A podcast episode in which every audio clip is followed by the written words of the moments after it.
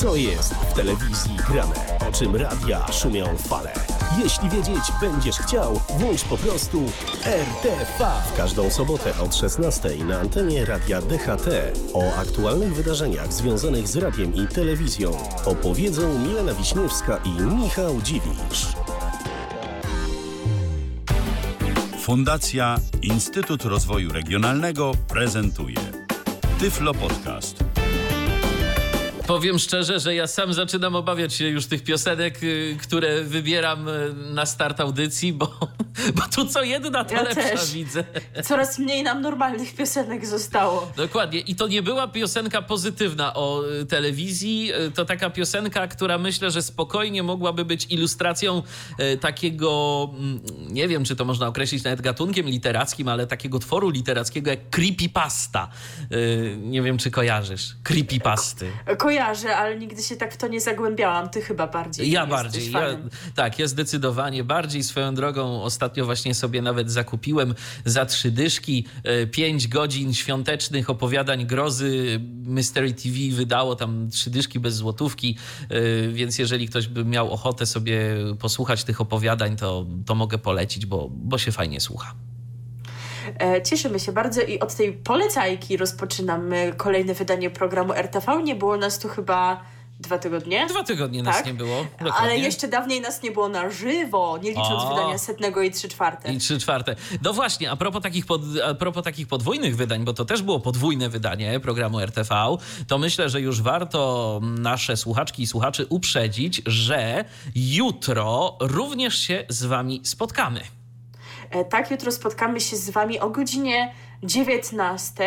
Taki jest plan. No i zapowiadaliśmy, co to się pojawi przed świętami. To będzie tak jak no, u nas prawie zawsze, bo dwa lata temu nam się nie udało tej audycji poprowadzić, ale staramy się zawsze, żeby była.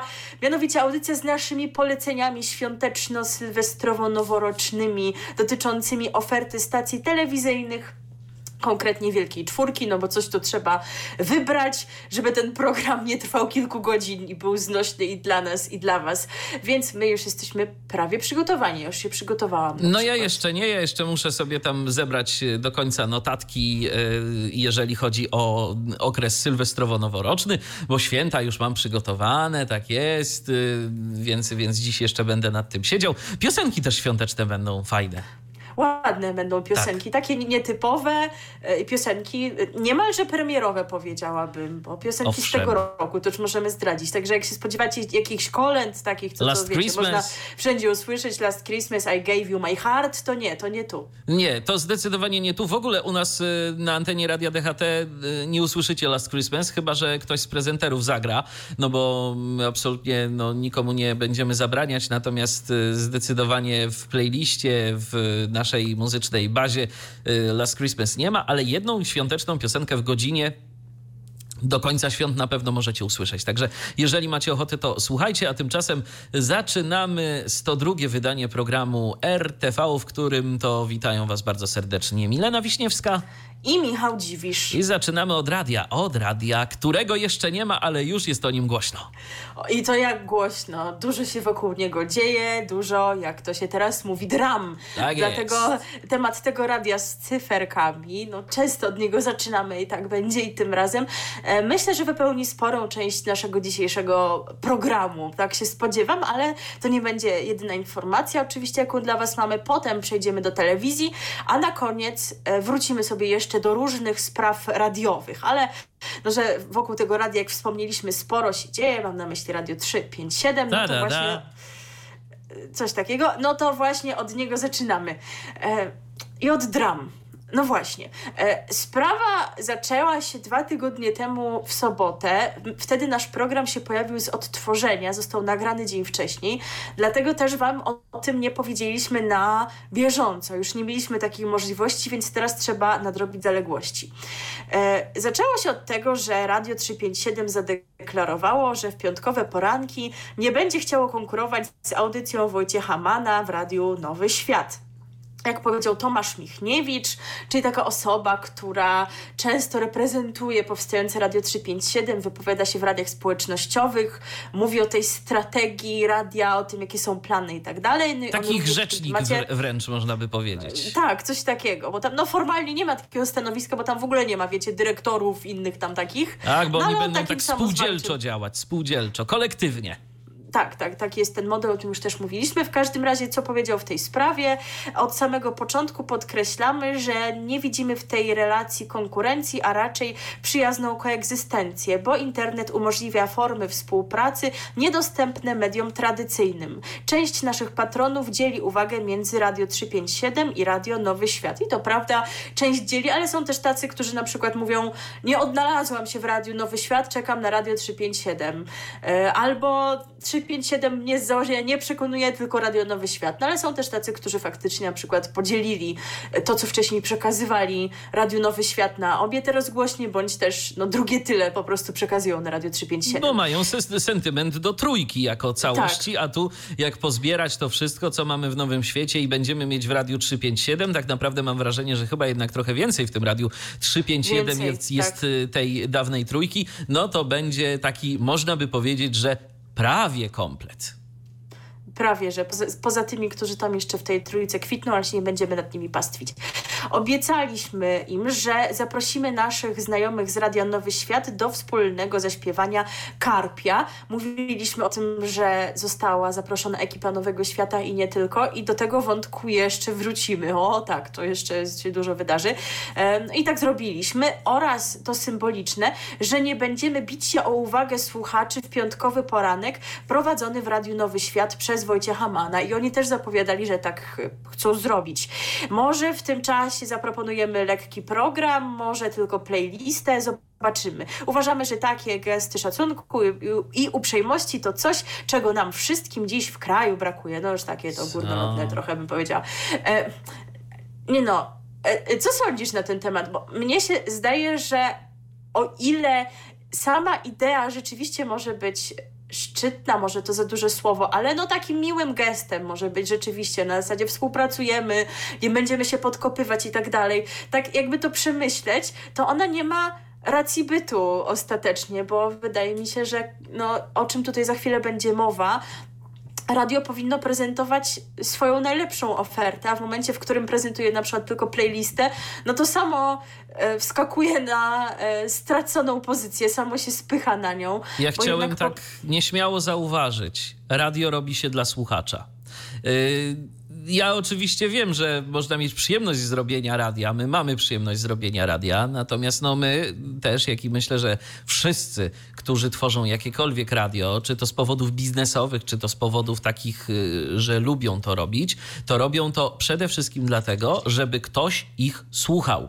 I jeżeli y, w tym momencie ja jako słuchacz dostaję taką informację, że w sumie od godziny, tam nie wiem, szóstej do dziewiątej czy do dziesiątej y, w piątki, to w zasadzie to w sumie może by warto włączyć inną stację, y, to ja mam taki, to ja mam takie poczucie, że ktoś mnie jako słuchacza w tym medium jednak tak nie bardzo szanuje i skoro, skoro twierdzi, że y, nie stara się dla mnie w tym momencie, no to ja dziękuję bardzo za coś takiego.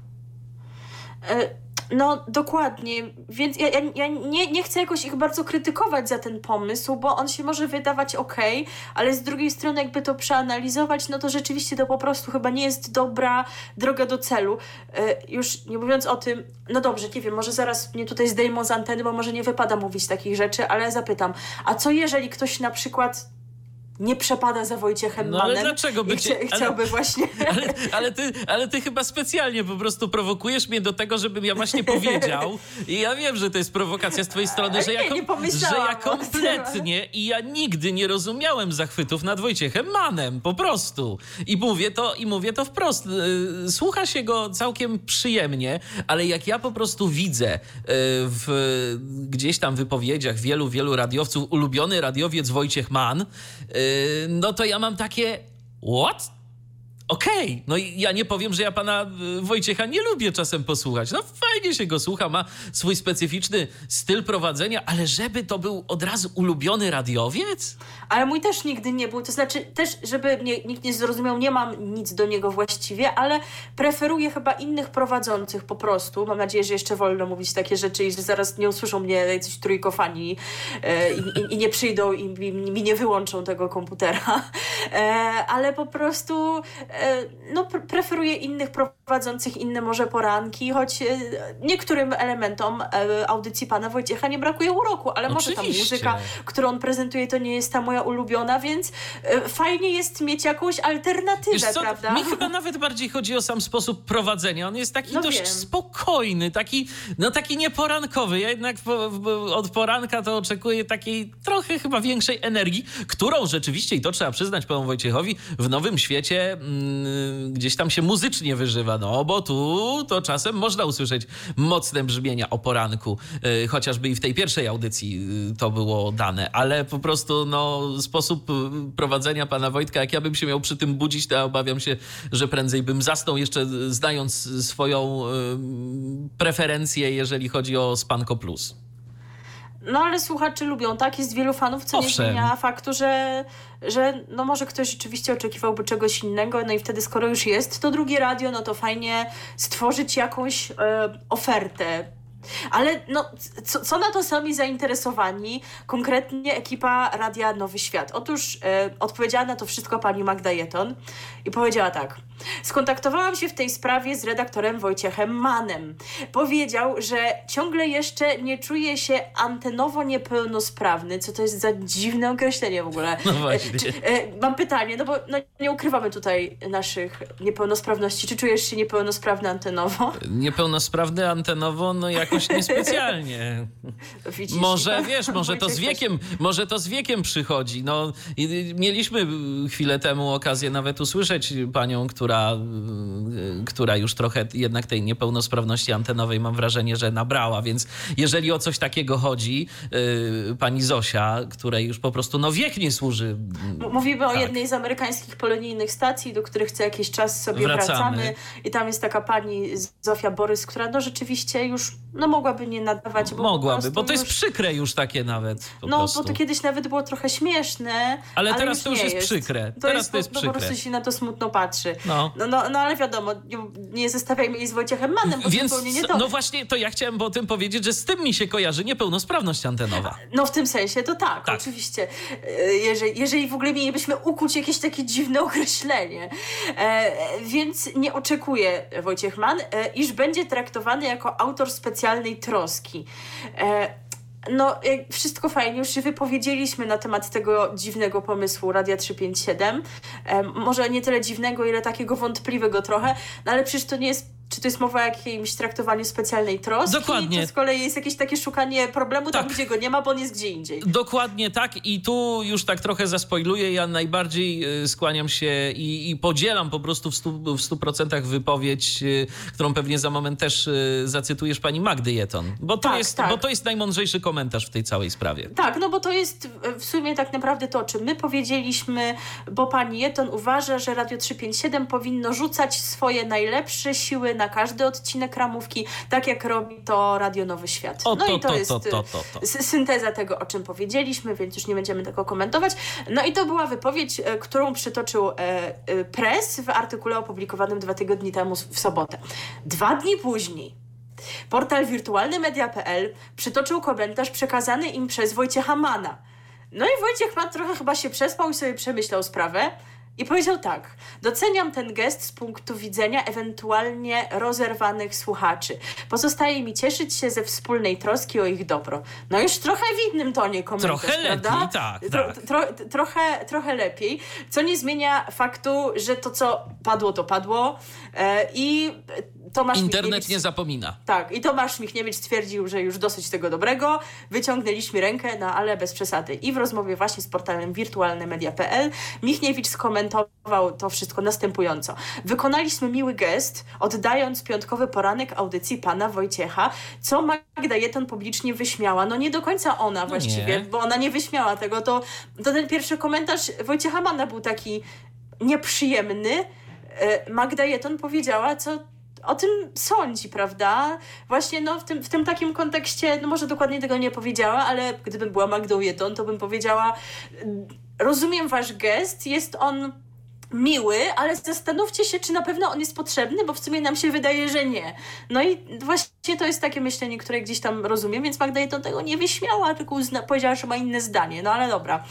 E, nasi słuchacze będą musieli nam wybaczyć, ale więcej miłych gestów wykonywać już nie będziemy. Oj, oj, oj, oj, oj. Koniec, koniec, kochani. Skończyło się, skończyło, skończyło się. się. A, a tacy mili chcieli, bycia im nie dali. nie dali.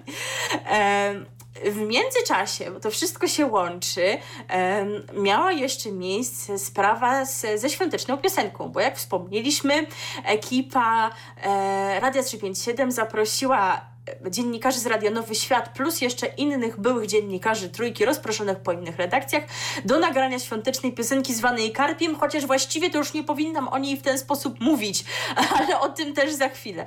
No i właśnie w tę sobotę, o której już mówiłam, e, w którą został opublikowany ten wspomniany przeze mnie artykuł e, w serwisie Press, miało miejsce nagrywanie świątecznej piosenki e, i wówczas dowiedzieliśmy się, kto skorzystał z zaproszenia dziennikarzy Radia 357. Skorzystali z niego Robert Kantereit i Marcin Gutowski z TVN24, Natalia Grzeszczyk z RMF Classic oraz Dariusz Rosiak e, prowadzący swój podcast Raport o stanie świata.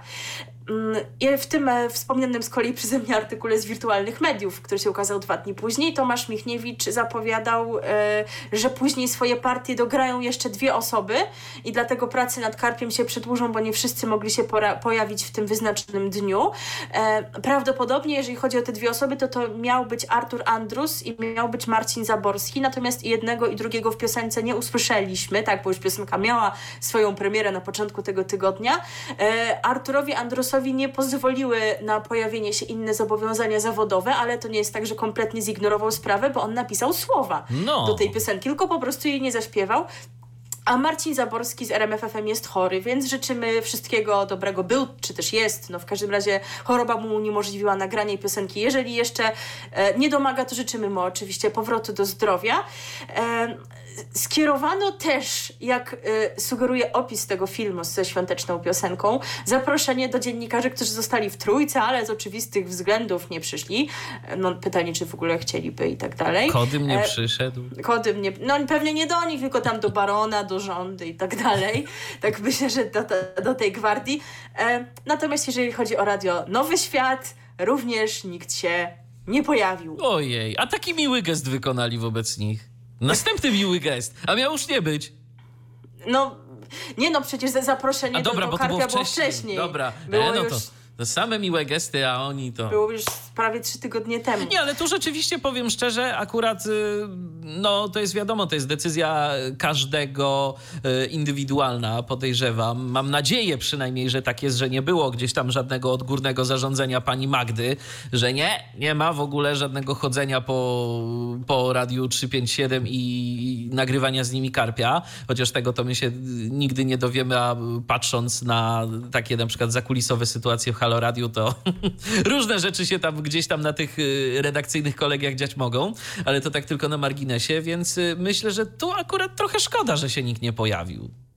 Oczywiście, że szkoda, wiadomo, mogło być tak, że komuś konkretnemu by nie pasowało, ktoś konkretny by nie chciał, ale no to, że się nikt nie pojawił, no to jest to w jakiś sposób wymowne, no i oczywiście, no wiadomo, co sobie pomyślało, pomyślało wiele osób. No tak, Radio 357 takie milutkie jest, tak wyciąga rączki, a ten zły nowy świat nie chce i ma jakiegoś focha. I na to wszystko postanowiła się odezwać pani Patrycja Macjon e, na Facebooku, czyli pani, ona odpowiada teraz za media społecznościowe, tak, w Radiu Nowy Świat.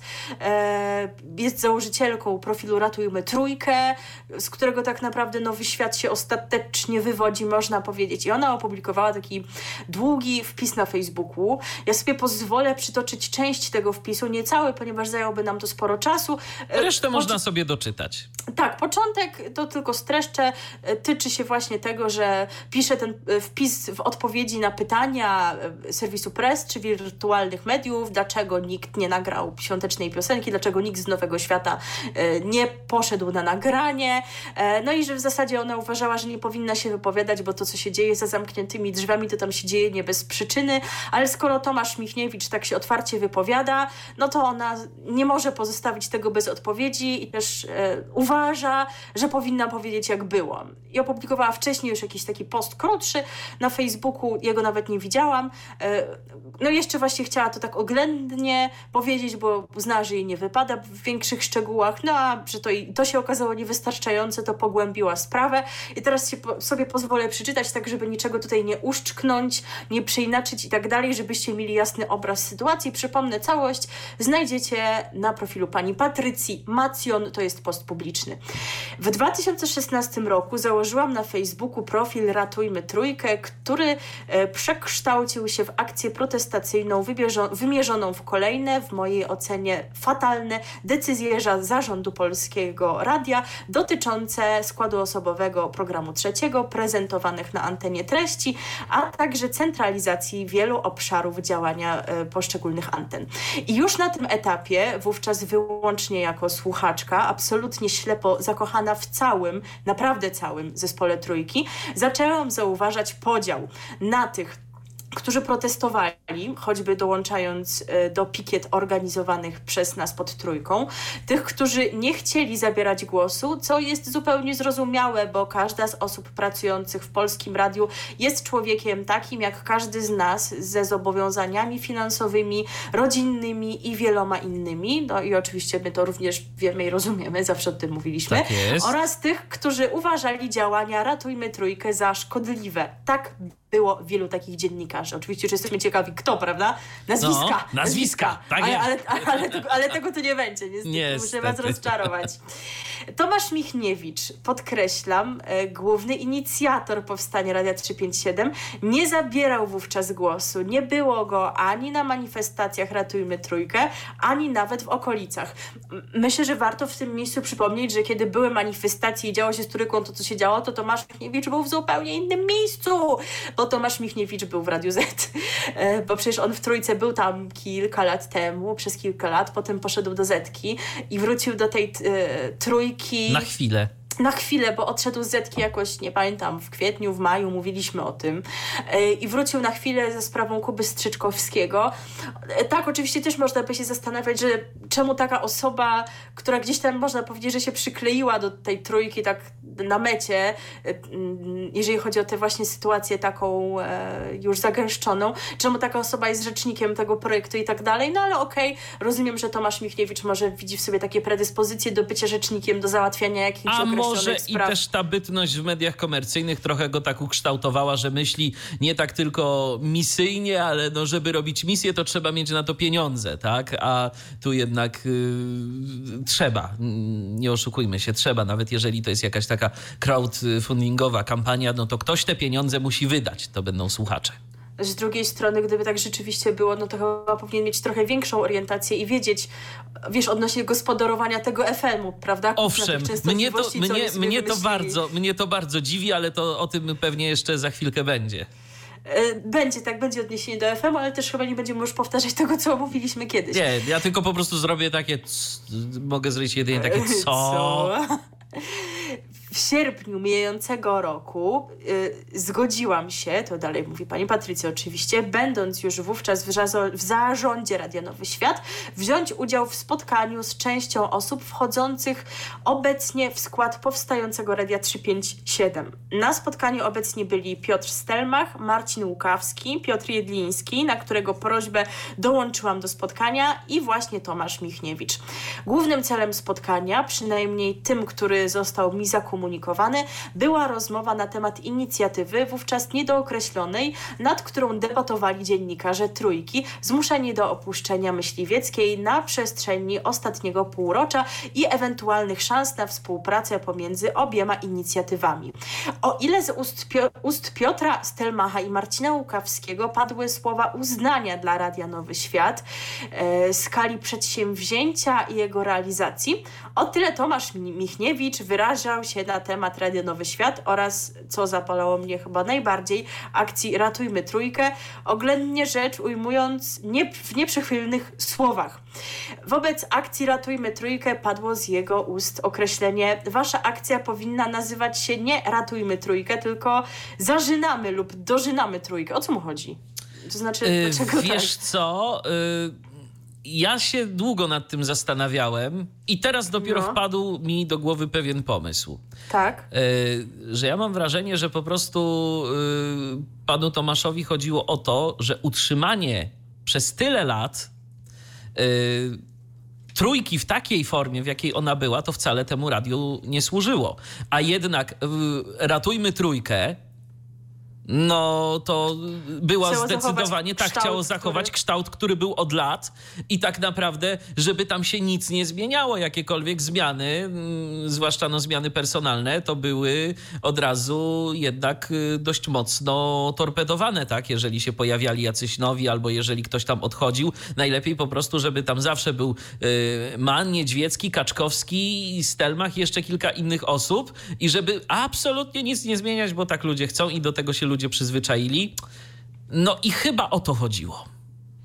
E, I, ale to jest, Rozumiem wiesz, ale to jest takie, ale to jest takie zdanie, mówię, no to jest takie zdanie wyrwane z kontekstu Tak. i tu bardzo, i tu jed... na samym początku też miałem takie, ale o co mu chodziło? Ale tak się zastanowiłem i w sumie tak sobie pomyślałem o tym, o czym ja też zawsze mówię w kontekście trójki i tu zdania absolutnie nie zmieniam co do, co do kwestii tego, że tej antenie tak naprawdę od lat y, tą stagnacją robiono krzywdę. Y, No to tak, jeżeli to rzeczywiście o to chodziło, to trudno się nie zgodzić. ma to sens, to znaczy rozumiem ten tok myślenia, aczkolwiek mogło być Dość jakoś ostro inaczej, bo- powiedziane, dość ostro. No i, no i też tak jak mówisz, wyjęty z kontekstu, może No. tam coś jeszcze padło, albo coś jeszcze miał na myśli. A pani Patrycja na przykład może nie dopytała, o co No na- chodziło. na Też mogła przykład. nie dopytać, bo się Mogło poczuła tak źle. być, ale, ale z drugiej strony, strony, panie Tomku, y, jednak pan, y, nie wiem czy pan wie, ale pan teraz y, poniekąd odtwarza trójkę No z tymi właśnie. samymi osobami, które ją robiły przez lata, bez żadnej nowej twarzy, nie licząc tych muzyków, no ale to powiedzmy sobie szczerze, nie ma znaczenia. Więc nie wiem, czy pan wie, co pan robi tak do końca, ale w ogóle też mam wrażenie, że on nie wie o tym za chwilę jeszcze. Właśnie. To, no coś tam nie gra. Znaczy też rozumiem, że można zmienić poglądy w kilka miesięcy nawet, czemu nie, ale no jednak tak jakaś stałość też byłaby fajna. O samym radiu Nowy Świat e, i tu e, parafrazuję, więc też nie mamy dokładnego cytatu, e, powiedział, radio internetowe, jakie wy w ogóle macie zasięg? Znikomy. Radio internetowe jest pozbawione sensu, tylko FM. Dobrze, Michał się ugotował. Proszę. Trze- trze- Trzeba, trzeba wyciąć ten moment. I dlatego, panie Tomku, właśnie buduje pan radio internetowe, aplikację mobilną. A może to, może to był jakiś drugi Tomasz Michniewicz albo jakiś jego sobowtór? Nie wiem, trzeba to Nie, zbadać. może, bo to, to jest tak wewnętrznie sprzeczne po prostu z tym, co się dzieje. Chociaż nie, to jeszcze może były te czasy, kiedy pan Tomek bardzo chciał FM, że oni odkupią ko- od kogoś stację i wiesz. Tak, od radio, radia może, nie wiem, oko z Ostrołęki. Z Ostrołęki, tak, Kiedyś. tak, tak, Będzie tak. ra- radio 357 Lokalne. Ostrołęka i będą po prostu mieć największą słuchalność w kraju. Fantastycznie. jeździć do Ostrołęki tego słuchać. Tak. E, I co jeszcze powiedział? Powiedział, Radio Nowy Świat jest upolitycznione do granic możliwości. Ho, ho, ho, ho. E, ale pan Tomek, może trzeba tam do niego pojechać, podłączyć mu telewizor, bo on tam chyba TVP coś mu nie działa, nie? No, Myślę tak. A może on właśnie tak lubi ten FM, ale nawet nie włącza tej trójki czy polskiego radia i nie wie, co tam, ta, co tam się dzieje. Oczywiście nie wiem, czy to miało ju- już miejsce, skoro w sierpniu, to to mogło mieć miejsce po sytuacji z panem Jedlińskim i z Margot. Mm, Może on do tego się tu odnosił. Czy to ma związek z polityką, już się nie będę, pozwólcie nad tym pastwiła, bo się wypowiadałam na ten temat, powiem tylko tyle. No nie, trochę to nie o tym, jak ktoś coś takiego łączy tylko z polityką, no to jednak myślę, że warto byłoby przemyśleć swoje myślenie, ale może to nie było o tym. Przypomnijmy, że tam nie ma polityków w tym radiu. No okej, jest... No dobrze, można powiedzieć, że komentatorzy też są tacy po jednej linii, bardzo... Ale gdzie tak nie jest, TVN pan włącz. będzie tak No- samo. No, tam też są prowadzący po pewnie określonej linii, ale też z drugiej strony zarówno Nowy Świat, jak i TVN24 zaprasza Łukasza Warzechę, tak? Ale z drugiej strony, no, każda redakcja celuje w jakiegoś konkretnego odbiorcę i ten odbiorca też ma swoje jakieś poglądy, również i polityczne i tak po prostu w dzisiejszych czasach jest. No i... No i choćby no tak nie wiem jest. co, to po prostu to tak jest i będzie I, i się trzeba z tym najzwyczajniej w świecie pogodzić i tylko chylić czoła dla tych, którzy potrafią oddzielić informację od komentarza, bo to jest istotne, a cała reszta, no to już komentarz zawsze będzie. Ja wiem, że serwisy Radia Nowy Świat ostatnio, no ja dość rzadko słucham, przyznaję, ale widziałam, któryś z moich znajomych pisał, że słuchał serwisu i ten serwis był cały taki no, przedstawione od strony Platformy Obywatelskiej, powiedzmy sobie to wprost. E, no, ale kto tak nie robi? W takim razie no wszyscy tak robią, albo jednych, albo drugich. Przeciwwaga dla, dla stacji, które, chociażby Polskiego Radia, dla stacji Polskiego Radia też jakaś musi być, no. Oczywiście. Po prostu. E, pozostałe niepochlebne słowa oraz oskarżenia padły personalnie w kierunku Magdy Jeton oraz Wojciecha Mana. Przez większą część spotkania milczałam, uznając, że jakakolwiek emocjonalna reakcja z mojej strony może zostać źle odebrana. W końcu jednak zostałam poproszona o komentarz przez Tomasza Michniewicza, gdy wygłosiłam krótki monolog na temat tego, jak wygląda to z mojej perspektywy. Perspektywy byłego słuchacza Trójki. Tomasz Michniewicz powiedział, że ma na dziś jeszcze inne zobowiązania i, i wyszedł. To jest w ogóle bardzo ciekawe, bo były zarzuty gdzieś tam e, wygłaszane wobec pana Wojciecha Mana, a później e, pan Tomasz chciał dla pana Wojciecha być taki miły i rękę wyciągać, nie? To... I ja cały czas mówię, że to był jakiś inny, że może on ma albo brata bliźniaka, albo po prostu jest jakiś sobowtór, bo to się nie trzyma niczego. Dokładnie trzeba naprawdę to zbadać wszystko. E, no i tak już kończąc, ta końcówka też jest mocna tego wpisu przecież. Ciąg dalszy Państwo znają zaproszenie do wspólnego świątecznego utworu, które padło najpierw, to najpierw jest dużymi literami, publicznie, a dopiero po kilku dniach rozpoczęły się próby kontaktu z zaproszonymi dziennikarzami Radia Nowy Świat, co e, e, postawiło wszystkich zaproszonych w niezwykle niezręcznej sytuacji, w której jedynym dobrym wizerunkowo wyjściem byłoby przyjęcie zaproszenia. Wiadomo było bowiem, że odmowa od razu skutkowała będzie reakcją części słuchaczy. Radio 357 jest otwarte na współpracę, a to wy wywołujecie konflikt. I z, tym no, się tak to wyglądało. I z tym się zgodzę. Zdecydowanie lepiej byłoby porozmawiać najpierw wewnętrznie, a później dopiero wykonywać jakieś takie gesty publicznie. A pewnie, że tak, oczywiście. Zdaję sobie sprawę z tego, że część z Państwa czytających ten przydługi wpis pomyśli, no dobrze, może nawet było tak, jak zostało to opisane, jednak dla dobra słuchaczy mogliście wznieść się ponad podziały. No, no właśnie, można tak pomyśleć. Proszę zdać sobie, e, zadać sobie jednak pytanie, czy chcieli czy chcieliby poczuć się Państwo oszukani tak, jak swego czasu oszukani poczuli się inicjatorzy akcji Ratujmy Trójkę? No to już mocne zarzuty lecą. Czy chcieliby Państwo e, dopiero po kilku latach dowiedzieć się, jak dalece fałszywy obraz przedstawiano państwu, o, Państwa oczom? Ja, gdybym mogła cofnąć czas, nie chciałabym przeżywać tego rozczarowania. Nie chciałabym wiedzieć, kto z kim i dlaczego nie.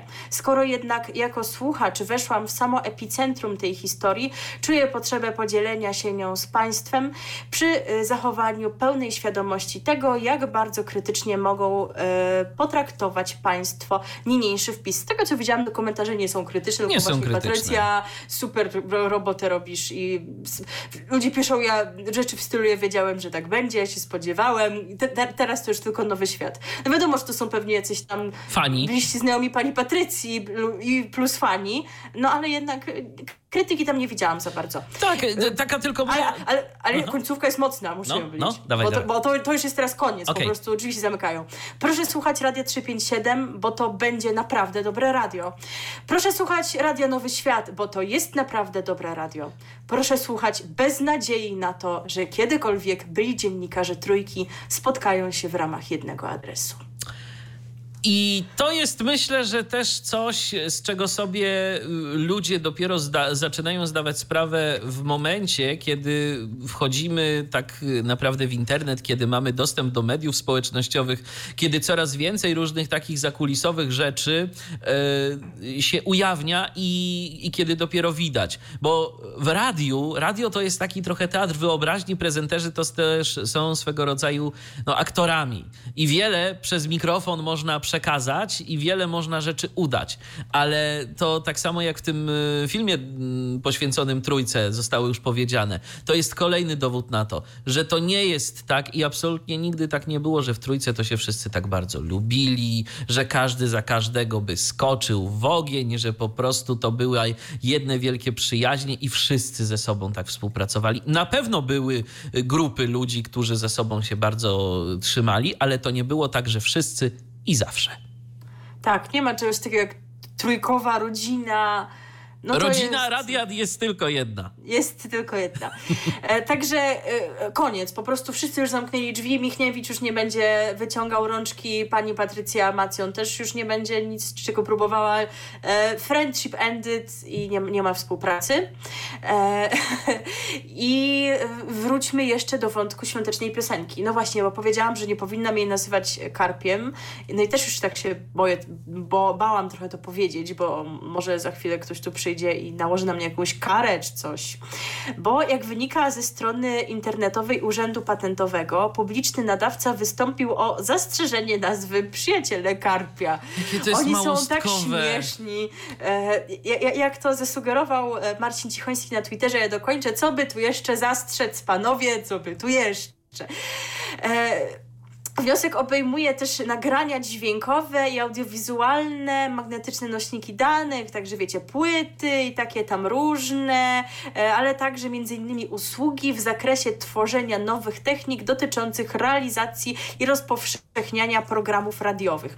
No, żeby, żeby po prostu już nic nie mogli zrobić pod tą nazwą. Tak, z przyjaciółmi Karpia. Tak, ani nagrać piosenki, ani wydać płyty, bo to przecież też wychodziły takie płyty, żeby niczego takiego nie mogli zrobić. Oczywiście było wiadomo, że ekipa trójki sobie poradzi, nawet jeżeli już miałoby się to dokonać po nagraniu piosenki, e, że, no bo przecież mo można to było nazwać koledzy Karpia, kumple Karpia, cokolwiek. Oni wymyślili sobie to trochę inaczej. Ostatecznie piosenka otrzymała tytuł e, Przyjaciele pewnej ryby. No i to właśnie jest ciekawe.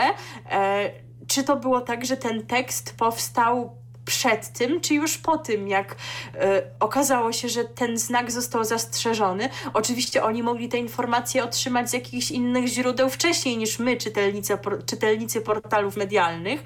E, natomiast wychodzi na to, i być może tak rzeczywiście było, że to po prostu był zbieg okoliczności taki dobry, bo no, Przyjaciele pewnej ryby no, to jest rzeczywiście fragment, który pada w tekście tego utworu i na tytuł wybrał go pan Ernest Zozuń i podobno po prostu taki tytuł to wybór dziennikarzy i on nie wynika z konieczności, więc może naprawdę się tak złożyło, że napisa Arthur Andrus napisał taki tekst, w którym padają padają słowa przyjaciele pewnej ryby. Całkiem I możliwe. Oni tak nazwali utwór.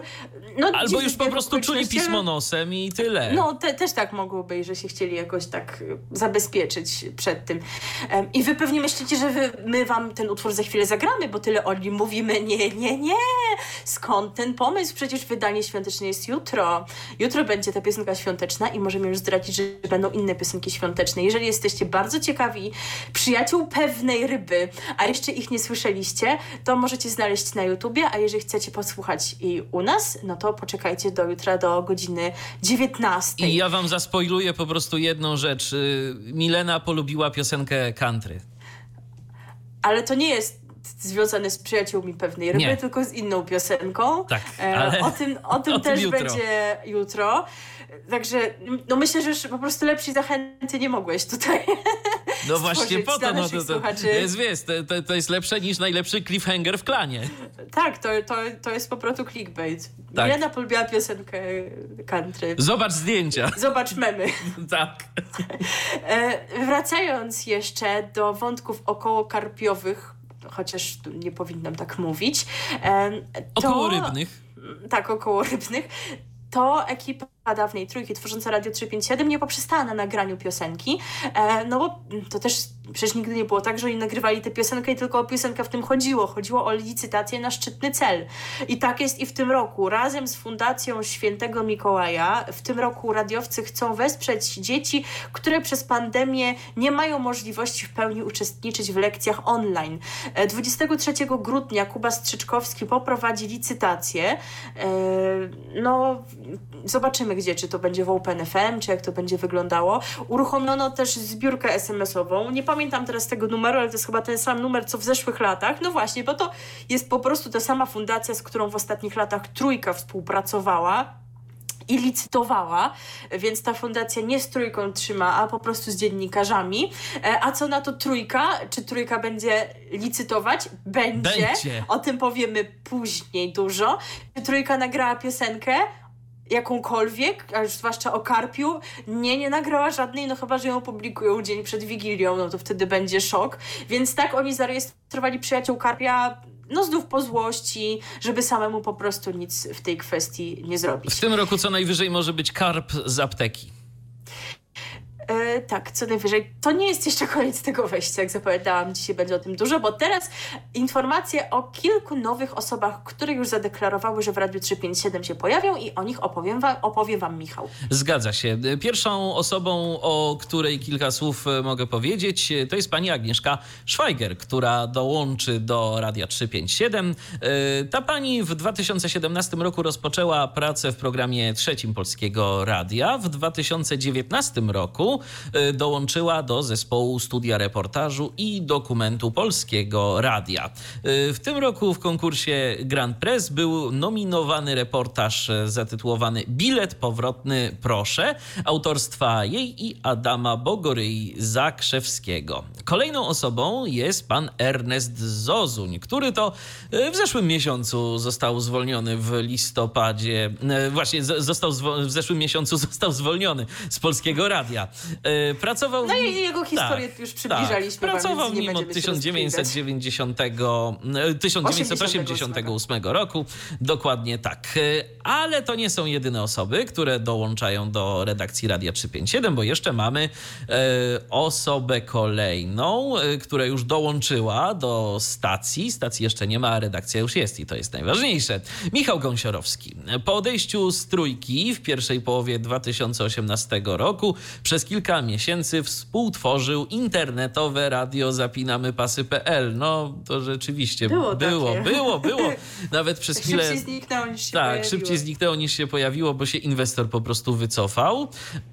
Jeżeli chodzi o inne jego aktywności, to od początku ubiegłego roku jest związany z należącym do Agory serwisem sport.pl PL. W maju y, bieżącego roku y, dziennikarz poinformował o zakończeniu współpracy z Eleven Sports, a jednak w czerwcu y, tego samego roku wrócił do tej stacji. Także mm, no nie za długo tam pozostał bez pracy. No i właśnie w czwartek redakcja Radia 357 poinformowała, że Gąsiorowski dołącza do zespołu stacji. Oprócz tego pana audycja audycje od stycznia na antenie Radia 357 mają mieć e, Mary Komasa i... Mary. Mary, tak, Mary, Mary, faktycznie, Mary Komasa i Antoni Komasa-Łazarkiewicz. Jeżeli chodzi o panią Mary, no to ona tak naprawdę ma na imię Maria Wiktoria Komasa-Łazarkiewicz. Jest wokalistką, była też modelką, bo swego czasu wyjechała do Paryża i tam postanowiła również to i owo pokazać. E, tworzy muzykę z gatunku dream pop, a z kolei pan Antoni jest kompozytorem muzyki filmowej i teatralnej. Skomponował m.in. muzykę do filmów Agnieszki Holland w ciemności pokot oraz jej serialu Gorejący krzew. I to jeszcze nie koniec e, wątku Radia 357. Nie. Dzisiaj no, to jest po prostu niebywałe, żeby tyle mówić o radiu, którego nie ma jeszcze. E, bo radiowcy odsłonili kolejne szczegóły, jeżeli chodzi o ramówkę radia. E, konkretnie, jeśli chodzi o weekendy, a w zasadzie no, taki wydłużony weekend, bo rozpoczniemy od piątku, bo o piątku mamy szereg nowych informacji. No właśnie, bo tutaj nam się rozwiązuje sprawa z tym słynnym porankiem, co miał, miał być taki lekki, miało go nie być, playlista miała być jak e, sytuacja wyszła, jaka wyszła. Nie będą wykonywać miłych gestów. Nie będzie miłych gestów, to jednak poranek będzie. W piątki słuchaczy będzie budzić Ola Budka, audycją od 6 do 10 i według zapowiedzi ma to być poranek inny niż wszystkie i wszędzie indziej.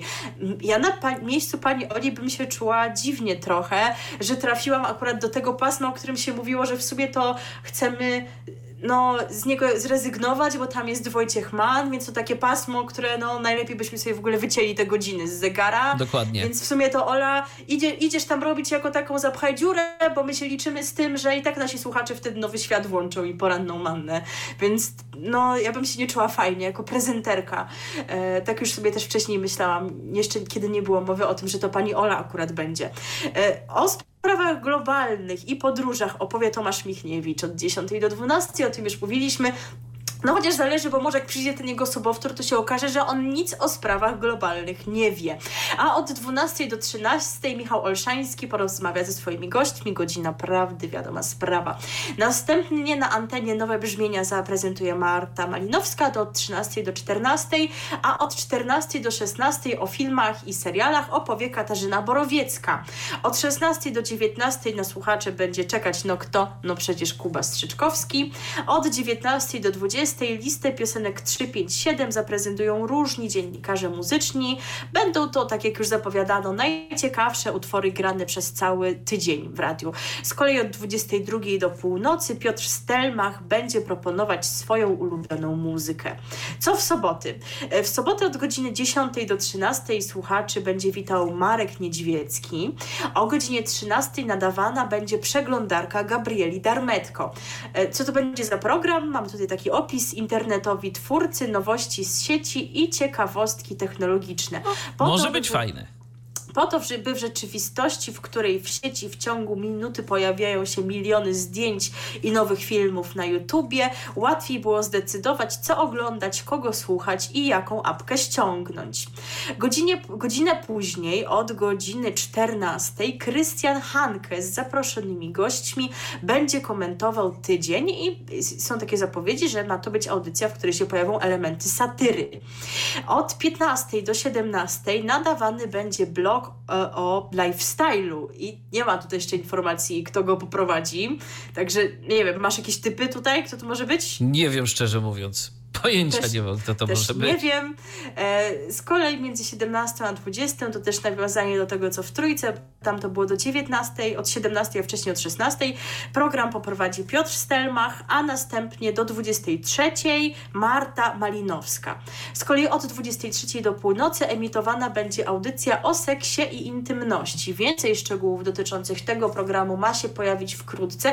Ja już mam swoje typy, e, ale nie będę ich mówiła, no bo po co siać plot plotki, to są tylko podejrzenia, kto by mógł taki program poprowadzić? Podpowiem, że to wcale nie musi być osoba, która się już z tych ogłoszonych, prawda? Może ktoś jeszcze do stacji dołączyć. Dokładnie. A co w niedzielę? E, w niedzie niedzielny poranek zdominuje Marek Brzeziński i jego audycja poświęcona Francji, między 9 a 10 emitowana. Zaś w godzinach 10-12 Aleksandra Budka zaprosi na swoją muzyczną audycję pod tytułem Stonowanie. Patrycjusz Wyżga będzie gospodarzem audycji o nauce i technologiach między 12 a 14. To też chyba coś takiego dla Ciebie, mi się wydaje. Między 14 a 16 emitowana będzie audycja o sprawach międzynarodowych, ale nie jest jeszcze sprecyzowane, kto miałby ją poprowadzić. I zresztą, jak mówi pan Michniewicz, Sprawy międzynarodowe, zresztą podobnie jak publicystyka, no tak bliżej Radia 2.0 niż 0.9, czyli może być tak, że nie od razu te audycje Że na razie pojawią. jeszcze po prostu będzie tam muzyka albo coś innego. Tak ale na pewno nie będzie luki w programie, o czym też za chwilę. Marcina Cichońskiego będzie można słuchać od 16 do 18. Od 18 do 20 omówione zostaną tematy sportowe. No już mamy pana Gosiorowskiego, może ktoś jeszcze przyjdzie z tych dawnych trójkowych dziennikarzy sportowych, bo jest jeszcze kilka takich osób, y, które na razie ani nie są związane z Nowym Światem, ani z 357 i w sumie nawet nie wiem, gdzie są. E, a tutaj mamy właśnie, nie wiemy, co będzie od 20 do 21, to znaczy czy oni nam tego nie powiedzieli. A od 21 do 23 pojawi się audycja muzyczna. No kochani, no, a mi, no przecież wiadomo, że Minimax, tak? No jakby no, No, nie oszukujmy dokładnie. się, ale oni jeszcze tego nie powiedzieli. E, co jeszcze? W rozmowie z portalem wirtualnymedia.pl Tomasz Michniewicz tłumaczy, że w przedstawionej ramówce nie ma luk. To są pozycje, których jeszcze nie odsłoniliśmy. Radio będzie nadawać spo, w sposób ciągły, również w wersji radia 09, w której nadawać będziemy nieco krócej niż docelowo, ale na pewno bez żadnych przerw. Te puste miejsca w ramówce mamy przemyślane, zabudżetowane i przyporządkowane do autorów. To nie będą jednak tradycyjne formy ramówkowe, czyli stałe pozycje o stałej porze. Radio 2.0 ma być dużo bardziej elastyczne, reagujące na sytuację z bieżącym e, i dostosowanym do potrzeb programem, tak tłumaczy pan Michniewicz. E, zaznacza także, że Radio 357 będzie zawsze autorskie, co oznacza, że nawet w przypadku pasm, w których dostępna będzie playlista z bazy, autor będzie mógł zmiena- zmieniać ją w dowolny sposób. Nie będzie rotacji piosenek jak w stacjach komercyjnych. Robimy radio, które ma budować klimat, wartość, atmosferę, relacje ze słuchaczami. Playlista będzie wyłącznie narzędziem pomagającym autorom budować ich audycje. Eee, co jeszcze? Czy już w końcu wiadomo, kiedy ruszy to radio, o którym właśnie mówiłem przez godzinę? Otóż Nie. nie, bo radow, radiowcy wciąż o tym nie poinformowali. Co więcej, możliwe, że zrobią to z dnia na dzień, kiedy uznają, że są gotowi do startu. Także proszę nie mieć do nas pretensji, jeżeli wam nie powiemy o tym starcie. Cały czas czekam.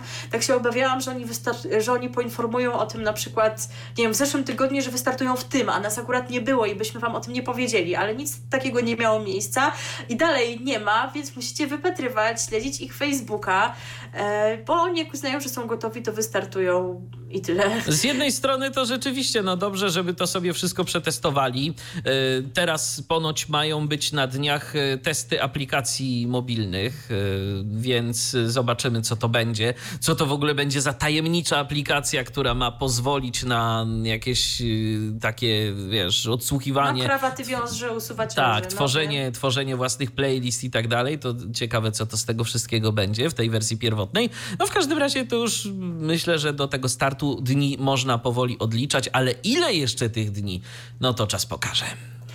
E, Ale już taki e, kolejny krok ku startowi będziemy mieć, e, będzie mieć miejsce w poniedziałek. Tak. Ten najbliższy, bo w ten poniedziałek odbędzie się pierwszy program nadawany już ze studia Radia 357, nie jakiegoś tam gościnnego u kogoś w wirtualnej Polsce, tylko w studiu Radia 357. Te audycje takie emitowane co jakiś czas, one no się pojawiają, też informacje o nich z dość niewielkim wyprzedzeniem, więc nie dajemy Was rady o nich poinformować, no ale teraz skoro jesteśmy, to mówimy, że w poniedziałek między 10 a 12 Marek Niedźwiecki zagra piosenki z dzwoneczkami. Bę- Będzie Christmasowo, drodzy Państwo. E, I transmisja tego wszystkiego będzie miała miejsce w Open FM. Więc mam nadzieję, że oni tam się już dogadali odnośnie tych technicznych spraw. No wiesz, jak z ich studia to ma iść, to, to może będzie lepiej.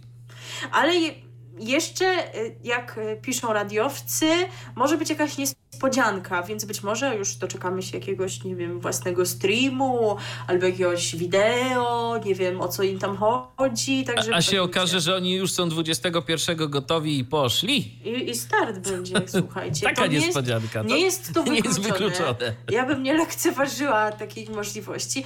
I to chyba wszystko, co mieliśmy powiedzieć o Radiu 357, czyli całkiem dużo. Już tak podsumowując, wiecie, tak zawsze jak jest jakaś taka, jakiś taki konflikt, to macie taką pokusę, żeby stanąć po którejś stronie i wybrać kogoś, kto ma rację, ale w tych tutaj sporach między 357 a Nowym Światem ja nie mam takiej potrzeby. Ja też nie. Przynajmniej ja i nie czuję, żeby to było możliwe, bo wydaje mi się, że każdy z nich zrobił coś dobrze, ale u każdego z nich był może jakiś gest niepotrzebny, więc każdy z nich ma już tam trochę za uszami, w wyniku czego wyszło to, co wyszło. Wiesz, tak naprawdę to też prawda jest taka, że nas nie było przy tych rozmowach i tego jestem osobiście najbardziej ciekaw, jak to wyglądało to spotkanie, o którym pisze y, Patrycja Macjon. Co tam dokładnie padło i w jaki sposób to padło, czy po prostu zostały zadane, postawione pewne pytania, czy też z, z tych pytań zrezygnowano, bo to dopiero mogłoby tak naprawdę naświetlić sprawę. A tak, no to po prostu mamy słowo nawet nie tyle przeciwko słowu, tylko pewne komentarze, tak, uzupełniające się nawzajem i, i chyba nie ma nawet sensu za bardzo się zastanawiać nad tym, po czyjej stronie jest racja, bo tu rzeczywiście faktycznie prawda może leżeć zwyczajnie po środku.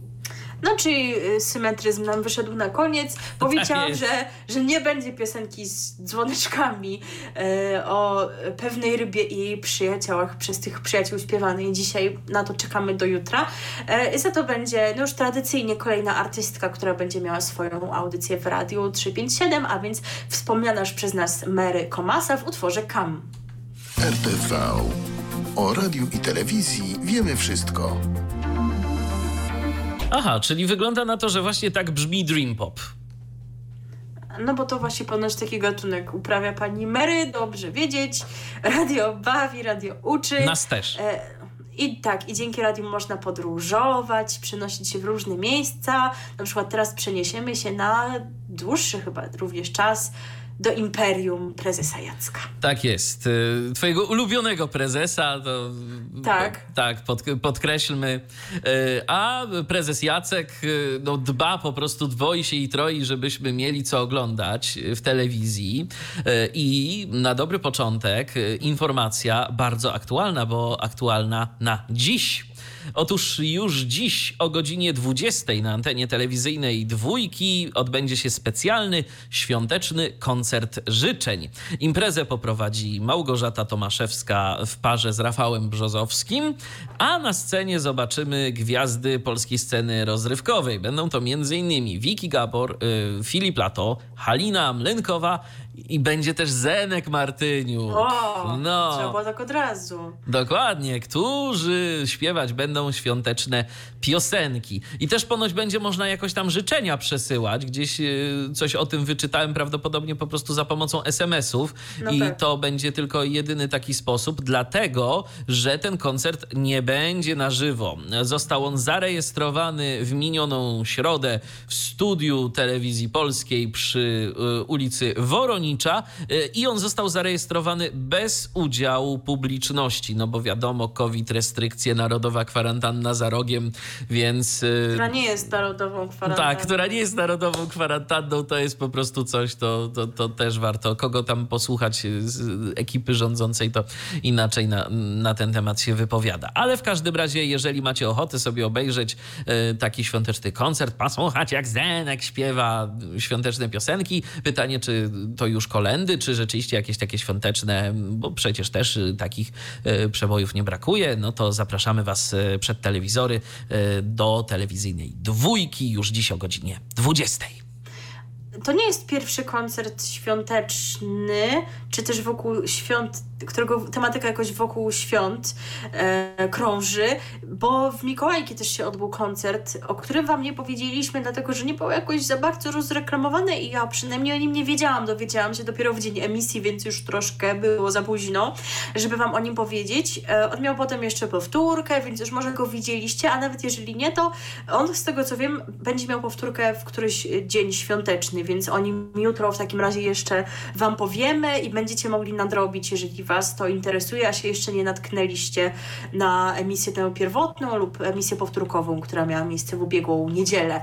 E, a tymczasem odchodzimy od tematyki świątecznej, do niej wrócimy jutro wieczorem z pewnością, e, ale powiemy o propozycji, która będzie miała w święta właśnie premierę, ale no, teoretycznie moglibyśmy o niej powiedzieć w programie świątecznym w związku z tym, no ale trochę to bez sensu, bo no to nie jest propozycja świąteczna, no i w tym okresie właśnie będzie miała tylko premierę, a będzie ją można oglądać długo potem, bo również w styczniu, a mówię Bo to serial. O serialu Osiecka e, i dlatego właśnie dziś opowiem o tym serialu, a jutro oczywiście przy omawianiu świątecznych ramówek e, tylko przypomnę, e, że on będzie emitowany kiedy i o której godzinie. Serial Osiecka, który już był zapowiadany długo, długo, przypomnę też jaka była ta historia, wreszcie się doczekał premiery i emisji. No, o kim serial jest, to nie trzeba chyba nikomu tłumaczyć, ale co tu jeszcze możemy w opisie przeczytać? Osiecka to liczący 13 odcinków, historyczny serial, widzicie, historyczny już taka już. W którym przedstawiona, no co, no ale przeszłość. No, no tak, no oczywiście. W którym, w którym przedstawiona zostanie biografia Agnieszki Osieckiej, a tłem tej biografii będą artystyczne, e, obyczajowe oraz polityczne realia czasów, w których żyła poetka. Widzowie zobaczą spektakularne sukcesy oraz porażki Osieckiej, zarówno w walce z cenzurą, jak i wynikające z trudnych życiowych wyborów. W nowej produkcji TVP zobaczymy od kulis y, szeroką panoramę kulturalnego i towarzyskiego życia Warszawy i Polski na przestrzeni kilku dekad. E, no i kogo zobaczymy w tej produkcji? Jak tutaj wygląda obsada? E, Eliza Rycembel zagra Agnieszkę Osiecką, ale Agnieszkę Osiecką młodszą. Za to Agnieszkę Osiecką już o kilka lat starszą zagra pani Magdalena Popławska. Kto jeszcze wystąpi? Piotr Żurawski w roli Daniela Pasenta, oczywiście, męża Agnieszki. Maria Pakulnis jako Maria, matka Agnieszki. Jan Frycz jako Wiktor, ojciec Agnieszki. Jędrzej Hycnar jako Marek Chłasko. Mikołaj Roznerski jako Wojciech Frykowski. Grzegorz Małecki jako Jeremi Przybora, bo przypomnijmy, może nie wszyscy wiedzą, że był taki moment w życiu Agnieszki Osieckiej, kiedy z Jeremim Przyborą łączyły ją relacje uczuciowe. E, na co dowodem jest książka Listy na wyczerpanym papierze, czyli list tych dwojga do siebie. E, Mariusz Kilian jako Jerzy Wasowski, Aleksandra Pisula jako Olga Lipińska, Aleksandra Konieczna jako Hanna Bakuła, Karolina Piechota jako Maryla Rodowicz, Barbara Garstka jako Elżbieta Czyżewska, Paulina Walędziak jako Krystyna Sienkiewicz i Wiktoria Gorodecka, ja jako Józefina, kochanka ojca Agnieszki. E, no i tak jak wspomniałam, tutaj historia była długa, zanim ten serial się doczekał zaistnienia w ramówce. Początkowo produkcja miała być emitowana w wiosennej ramówce tego roku, ale ze względu na prace postprodukcyjne, które się ponoć przeciągnęły, czymkolwiek w ogóle one miałyby być, przesunięto premierę na jesień, a następnie na zimę tego właśnie roku, to i tak nie, nie tak najgorzej, bo już myśleliśmy, że to będzie wiosna jeszcze 2021, więc już i tak są łaskawi, że nam to pokażą. Teraz e, produkcja zadebiutuje w najbliższy piątek, ale to nie znaczy, że ona w piątki będzie emitowana. Zadebiutuje w piątek, bo to jest pierwszy dzień świąt, więc jeszcze jutro o tym przypomnę, o godzinie 20.15. Kolejny odcinek będziemy mieć w sobotę, w drugi dzień świąt, również o 20.15 i później w niedzielę mamy odcinek trzeci o tej tej samej porze, czyli 20.15 i potem już co niedziela kolejne odcinki tego serialu będą emitowane. Ja na pewno będę oglądać. Jestem szalenie ciekawa, bo twórczość Agnieszki Osieckiej jest mi bardzo bliska. E, oczywiste, że jest chyba, że spuentujemy to wejście jedną z piosenek e, z tekstem Agnieszki Osieckiej, ale zanim to jeszcze informacje o kilku powrotach, znanych już produkcji, które właśnie pojawią się w zimowej ramówce, bo skoro Osiecka ma być takim filarem tej zimowej ramówki, no to warto wiedzieć, co jeszcze. Otóż 2 stycznia wraca do dwójki oczywiście The Voice Senior. E, przypomnijmy, że w zeszłym roku, tak, w zeszłym roku ten program był emitowany w grudniu, a w styczniu już trzy lata z rzędu wskakiwał Voice Kids.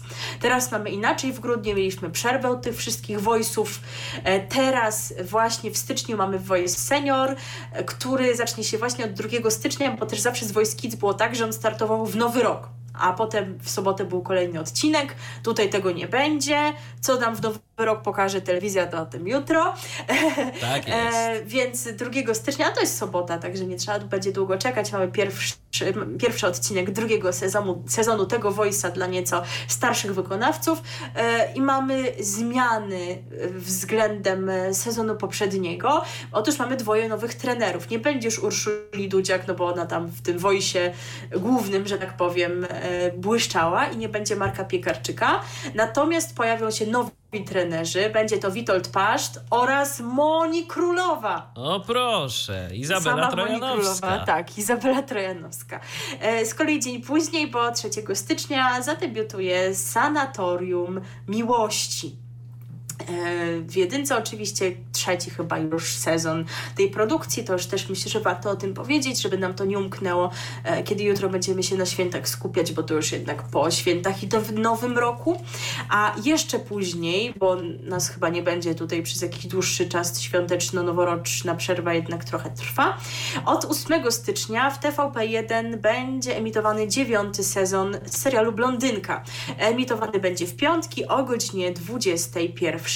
Em, Jeżeli natomiast spodobał Wam się inny serial, który telewizyjna jedynka emitowała teraz, czyli Ludzie i Bogowie, no mi akurat tak średnio po jednym odcinku odpadłam, ale może Wy jesteście innego zdania, możecie nam o tym napisać na Facebooku na przykład lub na naszej stronie internetowej.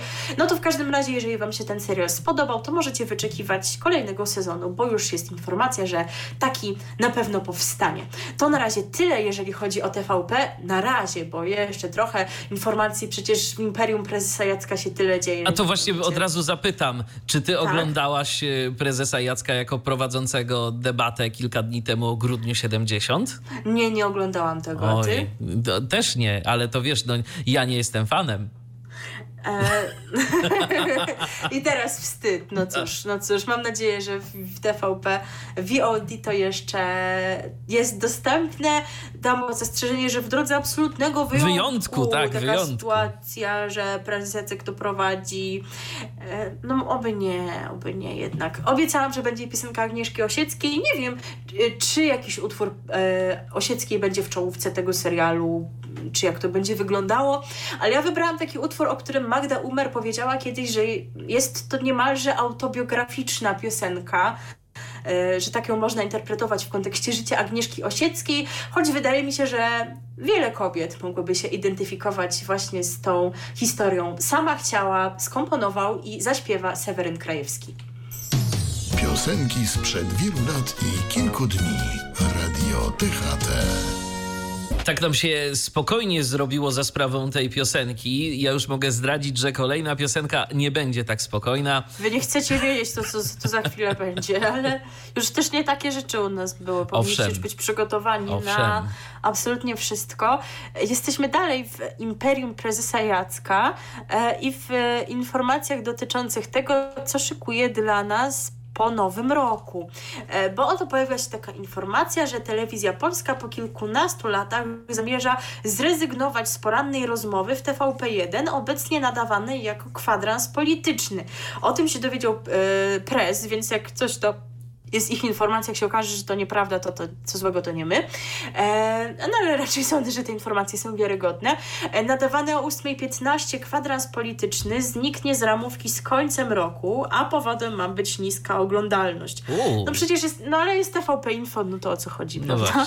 E, program prowadzą obecnie no, sami najlepsi. Dorota Łosiewicz, Jacek Łęski, Marek Pyza, Marcin Wikło i Krzysztof Ziemiec. No, Także Krzysztof jest tak- Jacek Łęski to po prostu, no to, to jest rekomendacja sama w sobie. No ale oni wszyscy tak naprawdę. Jest bardzo, tak wiecie, wszechstronnie. Jest i lewactwo, i prawactwo, i centryzm, ca cała po prostu paleta, więc można się dużo różnych rzeczy z różnych stron dowiedzieć na pewno z tego programu. tak. E, warto przypomnieć, Inaczej, wspomniany press tak to wspomina, że poranna rozmowa trafiła do ramówki TVP1 w 2006 roku, choć nam się wydaje, że tradycja tych rozmów politycznych po godzinie 8 w jedynce jest nieco dłuższa i że takie programy były też kilka lat wcześniej, ale nie chcemy tu gadać głupot, więc nie będziemy przywoływać z, z RMF. no właśnie, coś takiego nam się kojarzy, ale czy tak na pewno było, pamiętacie? To może facebook.com, ukośnik Radio DHT, ja jestem zbyt młoda. E, i, tak? A ja zbyt leniwy, żeby o tej porze wstawać.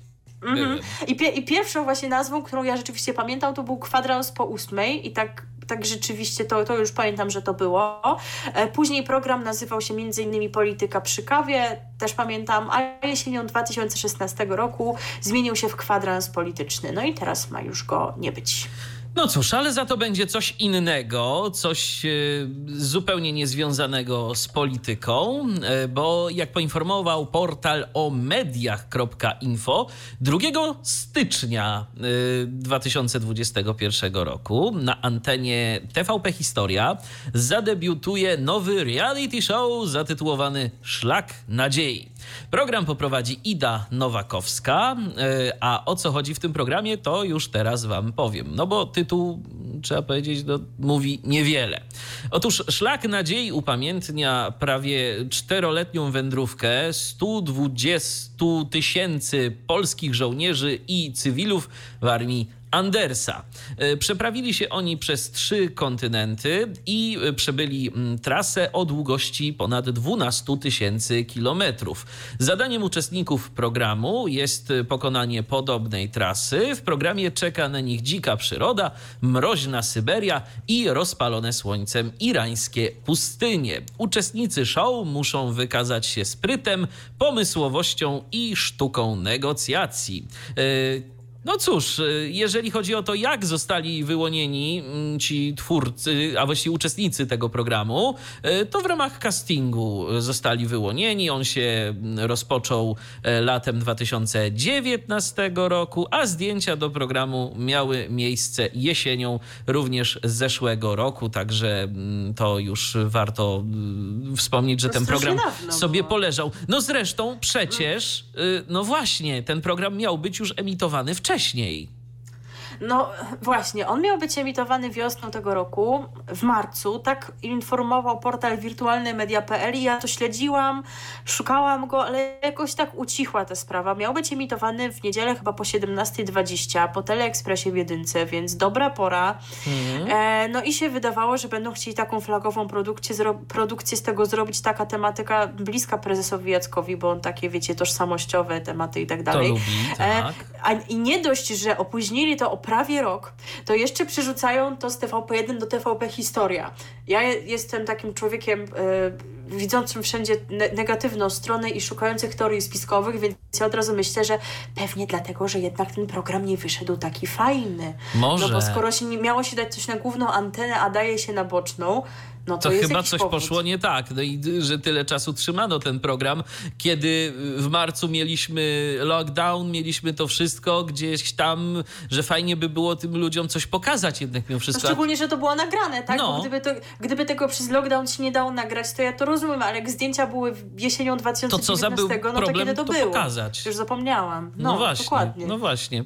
Natomiast warto y, przypomnieć, y, że będzie można ten program oglądać w sobotę o godzinie 20. Y, To właśnie premiera będzie miała miejsce w sobotę po nowym roku, 2 stycznia, y, tak y, żebyście z przytupem mogli y, w ten nowy rok wejść. A gdyby komuś akurat sobota, godzina 20 nie pasowała, to będą powtórki w niedzielę o godzinie 11.20. No i zapewne TVP VOD waszym przyjacielem, gdyby się nie udało ani o jednej, ani drugiej porze e, obejrzeć tego programu. Ja się tylko zastanawiam, e, jak pani Ida to wszystko przeżyła, y, musząc również gdzieś tam przebywać w tych miejscach dziwnych, takich niewygodnych. Czy ona przyzwyczajona do tego? No dała jakoś radę, ona teraz tyle przecież, ona zaczyna być drugim Rafałem Brzozowskim, wiecie, No. tak się wszyscy zawsze śmiali, że jest, wszędzie jest Rafał Brzozowski, a, naprawdę teraz mam Ida wrażenie, że Nowakowska. wszystko teraz prowadzi e, Ida Nowakowska. Mm, To jeszcze nie jest koniec informacji o Imperium Prezesa Jacka, bo on ma tyle pomysłów, naprawdę to jest niesamowite.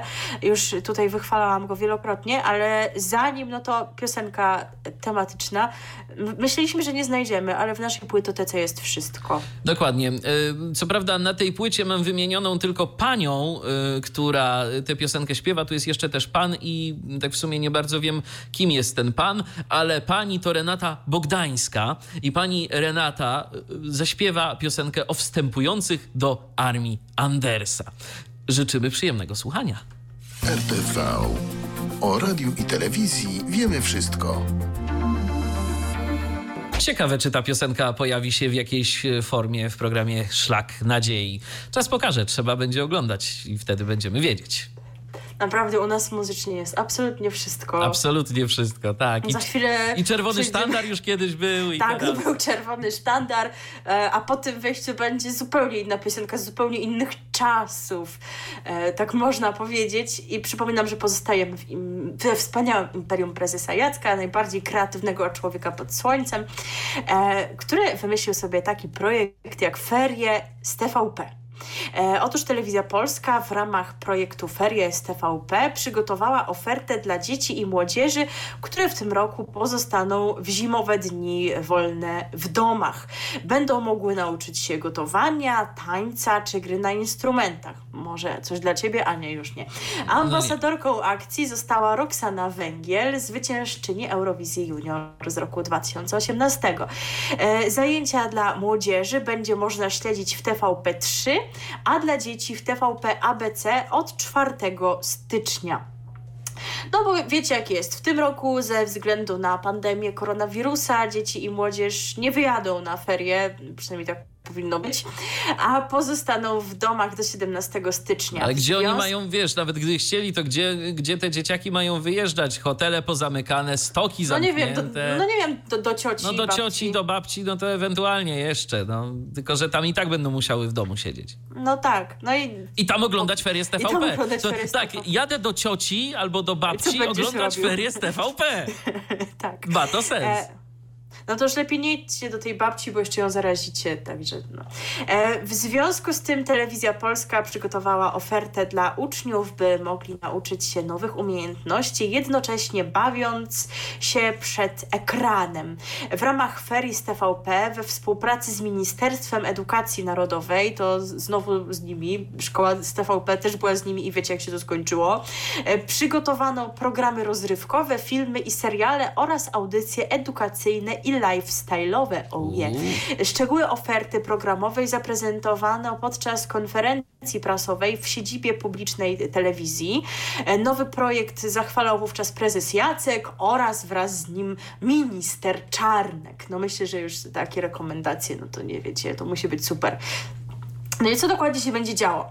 Dla widzów od 4 do 10 roku życia w TVP ABC emitowany będzie blok od 8 do 13. Będzie to pasmo wolne od reklam. Wśród dotychczasowej oferty znajdą się także nowości, innymi program Ugotuj nam bajkę, naprawdę, ugotuj nam bajkę, oraz e, nowe animacje, takie jak o, o Boże, Tru i tęczowe królestwo. Tęczowe Nie, no. królestwo. Prezesie Jacku, co, co, co, co, co- się co tu tu się stało? stało? Co tu Proszę się wydarzyło? natychmiast interweniować. Nie może tak być. Ale Ptyś i Bill może być. To brzmi dobrze. Chociaż nie, bo nie No nie, wiadomo, no. to... Nie! Ptyś i Billa. I Billa albo Ptysiowa. e, Kremówka i Bill, coś takiego. Tak, myślę, że być. kremówka. Kremówka. Tak, to dobry pomysł. E, Natomiast programy przygotowywane dla młodzieży szkolnej powyżej 10 roku życia będą dostępne e, codziennie, również bez reklam i również od 8 do 13 w ramach pasma wspólnego TVP3. I tak, w ofercie znajdą się filmy, seriale oraz audycje tematyczne o profilu edukacyjnym i lifestyle'owym. Każdy dzień ferii rozpocznie się odcinkiem jednego z dwóch młodzieżowych seriali Znajdź mnie w Paryżu lub e, Nowych legend o Małpim Królu. E, natomiast od dziewiątej pokazywany będzie cykl 20-minutowych programów edukacyjnych, e, trwający dwie godziny blok, czyli właśnie blok złożony z tych e, 20-minutowych programów, czyli codziennie po sześć takich programów będzie, jak widać. I ten blok będzie się składał z autorskich produkcji telewizji polskiej. I tych produkcji jest całkiem sporo, więc to będzie tak chyba, że codziennie będą różne, to znaczy się Różne. będą wymieniać te programy. I, I tak, wśród nich znalazły się piłkarskie ABC, program, w którym prowadzący przybliżą sylwetki najlepszych piłkarzy świata oraz tajniki szkółek najsłynniejszych klubów polskiej ekstraklasy. Codzienne treningi piłkarskie poprowadzą Robert e, Podol- Podoliński, Sebastian Mila, Marek Citko i Maciej Szczęsny. Z kolei Rafał Patyra poleci książki, które pomogą poszerzyć wiedzę o piłce nożnej. W strefie ruchu z kolei to też taki sportowy program, bo tyczkarka Monika Pyrek, biegaczka Adrianna Palka oraz fizjoterapeutka i trenerka fitness Katarzyna Kolada zaprezentują ćwiczenia aktywizujące konkretne partie mięśni. W programie Poczuj Rytm Marcin Hakiel, Kasia Cichopek, Ida Nowakowska i Iza Krzan, Iza nie zabrała Rafała, to brzydko, e, nauczą dzieci tańczyć w rytm popularnych piosenek. E, z kolei w programie Uczniowie z klasą widzowie poznają uczestników talent show, którzy pokażą swoje zdolności, a w programie Wkręć się w to. Robert Elgendi i Olivier Schott zaprezentują sposoby na spędzanie czasu w domu i poznanie nowego hobby. W kolejnym programie Zaczarowany świat sztuki, mali widzowie zostaną oprowadzeni po muzeach i galeriach sztuki. Z kolei w poradnikowym programie Emocje, to są E, myślnik, Mocje, bo mhm. tak, poświęconym problemom psychologicznym dzieci i młodzieży, aktor Piotr Bajtlik e, zada pytania ekspertom. Każdy odcinek będzie poświęcony jedynemu zagadnieniu. E, rozmowy będą się toczyć wokół nudy, lęku, cyberprzemocy, czy tego, jak radzić sobie we współczesnym świecie. Spektrum szerokie. Owszem, i co jeszcze dalej w tych feriach z TVP? Bo to nie koniec. Otóż każdy dzień ferii z TVP w TVP3 zakończy się famili familijnym e, filmem fabularnym. E, tak właśnie będzie. Ale naprawdę sporo tych takich produkcji sporo, autorskich, tak. tych 20-minutowych. No rozumiem, że to pewnie jakimś tam niewielkim kosztem i tak dalej, ale trochę tego e, wymyślili i nie, nie można tak zawsze robić rzeczy takich naprawdę. Tylko w e, okresie ferii, jak widać.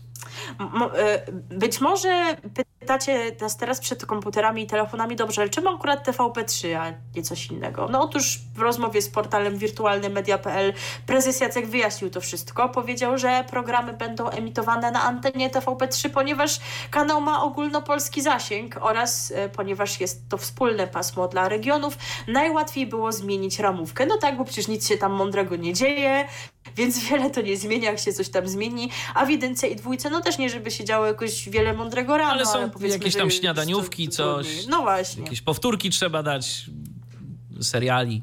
Tak. I powiem Wam więcej, bo prezes Jacek tak szybko reaguje. Ta decyzja zapadła bardzo szybko. Już następnego dnia po tym, jak podano informację o y, skumulowaniu ferii w jednym terminie, już wówczas prezes Jacek stwierdził, robimy to. Już wpadł na ten pomysł. Ja już myślę, a ja już myślałem, że następnego dnia to już wszystko było zrobione i gotowe. A to, to może, tego też nie wykluczam, ale myślę, że pre, przez wrodzoną skromność prezes Jacek się po prostu tym nie chwali. E, no ale oczywiście, żeby trafić do młodzieży, no to też warto byłoby w internecie coś pokombinować i też tak będzie. E, aha, jeszcze zanim o internecie, no to jest jeszcze jeden kanał, w którym się coś będzie działo.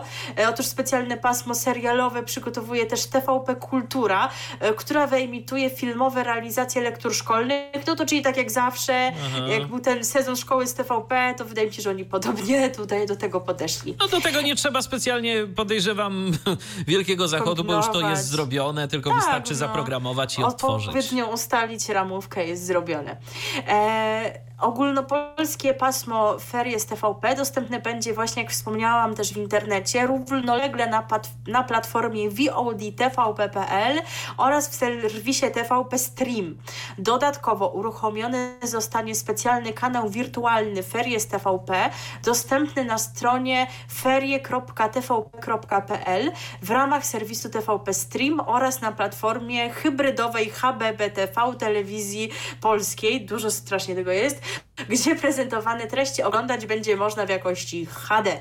Odcinki wow. wszystkich wszystkich programów oczywiście zostaną udostępnione na platformie VOD TVP.pl oraz w serwisie właśnie ferie TVP.pl, gdzie dostępne będą we wspomnianej jakości HD. E, obok bieżącej oferty programowej znajdą się tam także bajki, ekranizacje lektur szkolnych, programy historyczne i filmy dokumentalne.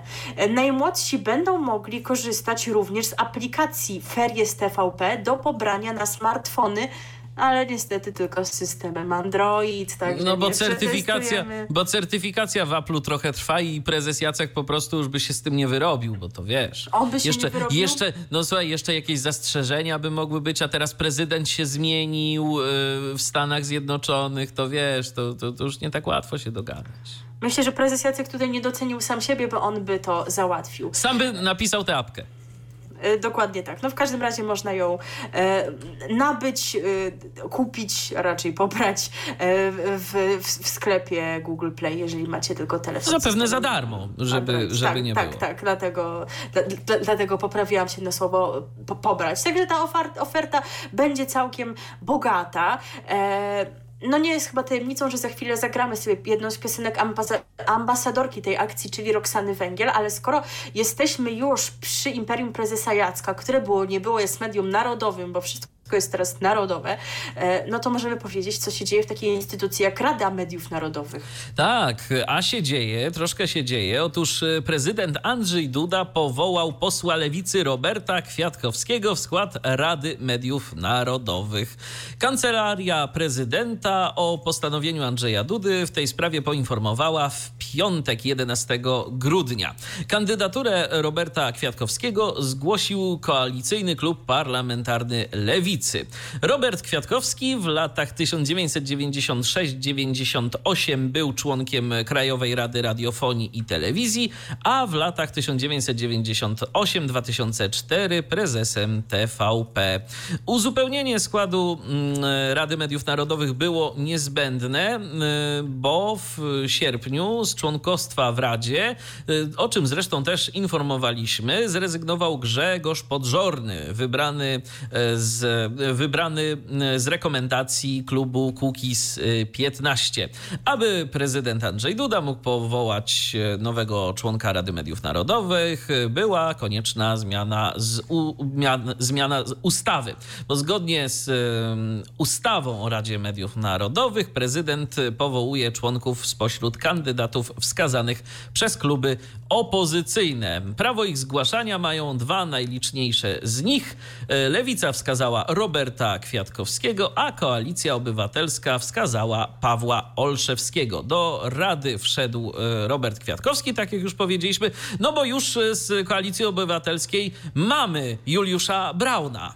No właśnie, więc się uspokójcie, już macie, Tak. ma, ma, macie swojego człowieka, więc no to tutaj był taki naturalny chyba wybór. Ale i tak większość w Radzie Mediów Narodowych mają politycy Prawa i Sprawiedliwości Elżbieta Kruk, Joanna Lichocka i przewodniczący tejże Krzysztof Czabański. Także no cóż, no. Oczywiście komentarzy jest szereg, no bo pan Kwiatkowski, jego związki z aferą Rywina, no to jest wciąż żywe w Owszem, pamięci. pamięta się o tym. Dlatego, dlatego sugeruje się, że to nie był taki najlepszy wybór. Z drugiej strony, no warto jednak e, było powołać osobę, która ma jakieś pojęcie o mediach, a z klubu Lewicy ja nie kojarzę innej takiej osoby, która by miała jakieś związki z mediami, ale też oczywiście nie znam kompetencji wszystkich 48 już teraz posłów i posłanek, więc być może ktoś tam jeszcze jest, kto mógłby zostać powołany bez tutaj tych wątków związanych z aferą Rywina, które się e, nie najlepiej kojarzą. No, ale, ale warto było o tej sprawie powiedzieć, bo nawet nie wiem, czy zauważyłeś, że... Ale czekaj, wszystkie- czekaj, czekaj, ale, ale Włodzimierz Czarzasty, on nie miał coś, on przecież z Krajową Radą miał coś wspólnego, więc... No tak, no ale też afera Rywina, też No też, no. na tej komisji No to słynnej, tak, także to- to prawda. myślę, że nawet bardziej. Akurat on już jakoś tak się stało, że ludzie już, nie wiem czemu to zapominają, ale mniej w jego kontekście się już mówi o tej aferze Rywina, bo już więcej zrobił innych rzeczy. Owszem, no Więc Kwiatkowski nie, za bardzo miał no, co zrobić. No. Dokładnie, więc nie byłoby sensu, żeby znowu Czarzasty wkopywał się w to, Tak bo znowu jest. by było, że, że to dlatego. Ale powiedzieliśmy wam też o tym dlatego, że niekoniecznie mam wrażenie wszyscy dobrze ogarniają, o co w tym chodzi, w tym wyborze. Nie wiem, czy zwróciłeś uwagę, ale mam wrażenie, że nawet Wojtek Krzyżaniak nie do końca tak, mimo że się specjalizuje w tematyce mediów, to w swoich live'ach tak nie do końca ogarnia tę procedurę, no bo on sugeruje, że e, Duda powołał tego Kwiatkowskiego, no bo tak po prostu było no chciał wykonać jakiś taki gest przyjaźni. No, to tak nie wiadomo działa. czego, a to Nie, po no. prostu była kwestia ustawy, kwestia Ustawy. właśnie tego, że Lewica była klubem, któremu, że tak powiem, się należał ten członek Rady Mediów Narodowych, tak jak wcześniej miał go klub Kukiz 15, więc to tak, tak nie do końca jest jak akurat Wojtek. Mnie to, mówi. zasta- mnie to zastanawia, co by było, gdyby y, zamiast Lewicy najczynniejszym kolejnym klubem była Konfederacja, kogo oni by wystawili. No Brauna przecież, bo on jakiś tam reżyser jest. Co się pytasz w ogóle? To by, to by były wypowiedzi y, niejednokrotnie bardzo, bardzo ciekawe. No ale zobaczymy, już, już pierwsze posiedzenie Rady Mediów Narodowych było, tam między innymi dyskutowano na temat y, nowego bodajże prezesa Radia PIK, czy jakiegoś członka zarządu, który miał tam y, taką błyskotliwą wcześniej karierę, bo zarządzał miejskimi wodociągami i kanalizacją y, w Bydgoszczy, także tam były pewne zastrzeżenia co do tego. No, no cóż, no, no, takimi rzeczami, właśnie takimi sprawami między innymi zajmuje się RMN. No i dlatego w związku z tym RMN jest instytucją, która, która powinna być zlikwidowana i obowiązki Owszem. powinny przyjąć inne instytucje, bo wcześniej tego nie było i było dobrze i to jest nie, niepotrzebne e, ciało kontrolne w tym przypadku. E, opuszczamy Imperium Prezesa Jacka, za chwilę będą już te złe, niedobre, lewackie, komercyjne stacje, ale zanim to... Dlaczego się śmiejesz? Nie wiem, nic nie powiedziałam śmiesznego, samą prawdę powiedziałam. E, a, Dobrze, za chwilę, a za chwilę ta, którą właśnie prezes Jacek odkrył e, w, najpierw w Voice Kids, a potem e, to ona wygrała Eurowizję Junior, dzięki czemu mogła odbyć się ona w Polsce i prezes Jacek mógł być dumny. Naprawdę wszystko się wiąże, a to będzie piosenka którą Roxana Węgiel wykonuje z małym TGD i która pochodzi e, z filmu animowanego pod tym samym tytułem, a w tym e, bloku Ferie z TVP będą też filmy, seriale, także jesteśmy w temacie. Piosenka i film noszą tytuł Nie z tej ziemi.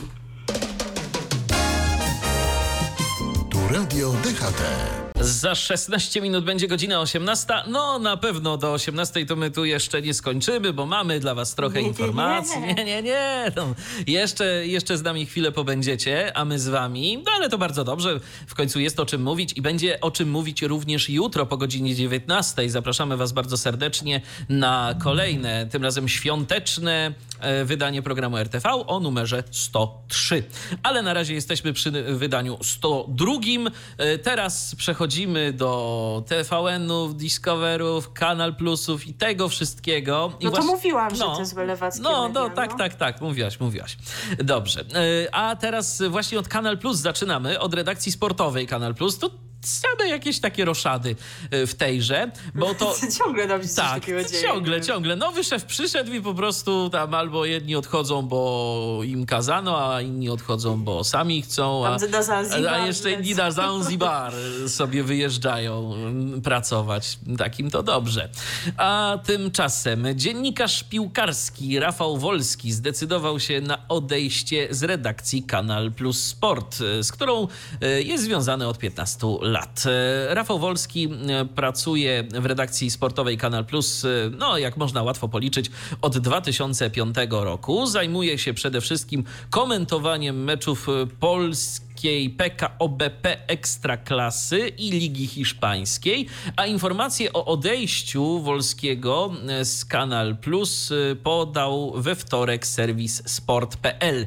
Według tego serwisu dziennikarz ma pożegnać się z redakcją pod koniec lutego przyszłego roku. Wcześniej Rafał Wolski pracował przez 4 lata w telewizji polskiej. Swoją karierę zaczął w lokalnych nowych wiadomościach, więc tyle tematów personalnych, przynajmniej na razie. Przenosimy się do TVN-u, a konkretnie do TVN-u z siódemką, bo to tam właśnie imitowany jest serial Zakochani po uszy, który doczekał się już piątego sezonu, który od stycznia się pojawi.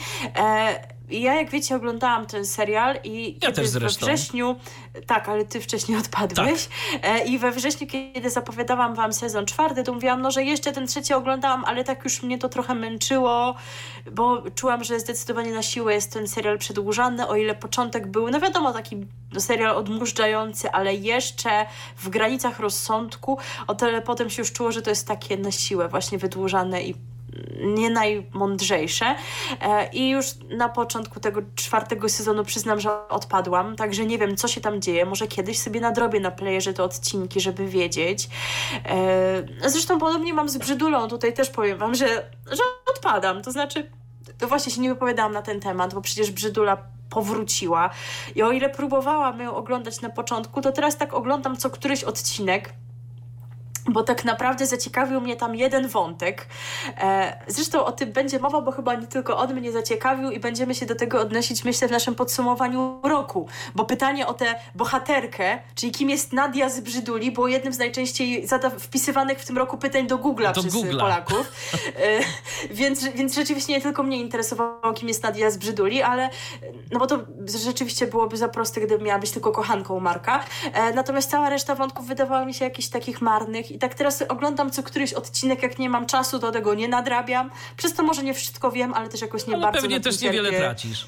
No tak właśnie myślę, więc jednak te powroty to często nie jest dobry pomysł, ale w przypadku Zakochanych po uszy mamy kontynuację taką, która może nie powinno jednak być. Może wy jesteście innego zdania i wam się ten serial podoba i na przykład uważacie, że on się rozkręca z sezonu na sezon, napiszcie nam o tym, przecież nie ma sprawy my przyjmiemy każdą opinię i ją przeczytamy. E, no a mimo tego, że nie oglądam, to Wam chętnie opowiem, co w tym piątym sezonie się wydarzy. On 4 stycznia e, wystartuje. Przypomnę, to właśnie piąty sezon serialu Zakochani po uszy. Kolejny sezon przyniesie wiele zmian w życiu bohaterów serialu Zawsze tak mówią. Dotychczasowe, spokojne życie Asi i Piotra zostanie niespodziewanie wywrócone do góry nogami. Po pierwsze, czy życie Asi i Piotra kiedykolwiek było spokojne? Po drugie, zawsze też piszą o tym, że zostanie wywrócone do góry nogami, więc ja teraz nie wiem. Skoro w poprzednim sezonie zostało wywrócone do góry nogami, to teraz znowu odwrotnie, czyli będzie już ok? Nie wiem, nie rozumiem tego właściwie. E Asia zostanie sama z dziećmi, to już mi umknęło, bo ja jej zatrzymałam na tym, że była w ciąży, nie wiem, bliźniak rodziła, czy jeszcze ma jakieś inne dziecko, a nie, bo w sumie przecież jeszcze dzieci tej Patrycji. No tak, no, no to tak. ma sens więc chyba i jej własne dziecko, no, no ale może jeszcze są jakieś dzieci, ja o tym nie wiem. E, I będzie musiała stawić czoła nowej rzeczywistości. Sylwia po wyjściu z więzienia spróbuje ułożyć sobie życie i rozpocznie pracę w kancelarii prawniczej. Nie będzie jej jednak łatwo, ponieważ nikt nie wierzy w jej dobre e, intencje, bo po Sylwia się chyba zmieniła. Z, po wyjściu z więzienia naprawdę ktoś zatrudnia w kancelarii prawniczej? To... Ale może ona jakoś, nie wiem, zmieni tożsamość. Może. Wtedy coś, ale jeżeli, skoro dobre w dobre intencje nie będą wierzyć, to znaczy, że będą wiedzieć, że to ona, a to znaczy, że taki ktoś jednak nie powinien pracować w takim miejscu, no chyba, że ona tam będzie parzyć kawkę, no to może, może tak, Karola, to może gdziekolwiek. E, kiedy ponownie spotka na swojej drodze Michała, nie wiem kto to jest, będzie musiała stawić czoła swoim prawdziwym uczuciom. Powrócą również losy miłosnego trójkąta pomiędzy Sonią, Tamarą i Bartkiem. Sonia wraz z synkiem i z synkiem ponownie wkroczy w życie Bartka i nie będzie mogła się pogodzić z tym, że Bartek jest zakochany w innej, bo Sonia ma dziecko z Tymonem, bratem Bartka, ale tak naprawdę ten Tymon to się okazał taki, no, lekkoduch trochę i ona się zakochała w tym Bartku, a widać już w tym sezonie, co go nie oglądałam, że Bartek mimo, że też kochał Sonię, to sobie teraz znalazł Tamarę, no jest problem. Widzicie, Tamara natomiast będzie miała żal do ukochanego, że za bardzo angażuje się w pomoc swojej byłej. Bartek będzie musiał wybrać Sonia czy Tamara. Tymczasem w klinice stomatologicznej trwa nabór nowych lekarzy. W serialu pojawią się piękna i tajemnicza Karolina, w tej roli Anna Karczmarczyk oraz charyzmatyczny i błyskotliwy Radek, w tej roli Piotr Nerlewski. No w każdym sezonie są jacyś nowi bohaterowie w sumie tutaj. E, tych dwoje przyciąga rodzące się uczucie, ale ich związek napotka wiele przeszkód. Jak zawsze. Se... Przecież, znaczy, po co byłoby serial robić? E, piąty sezon serialu Zakochani po uszy będzie można oglądać, jak wspomniałam, od 4 stycznia, czyli to jest poniedziałek po nowym roku.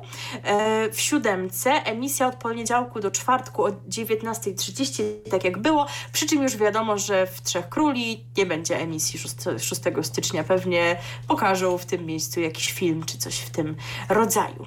E, teraz przenosimy się do Playera, bo tam premierę będzie miała produkcja serialowa, o której też już wspominaliśmy, że będzie.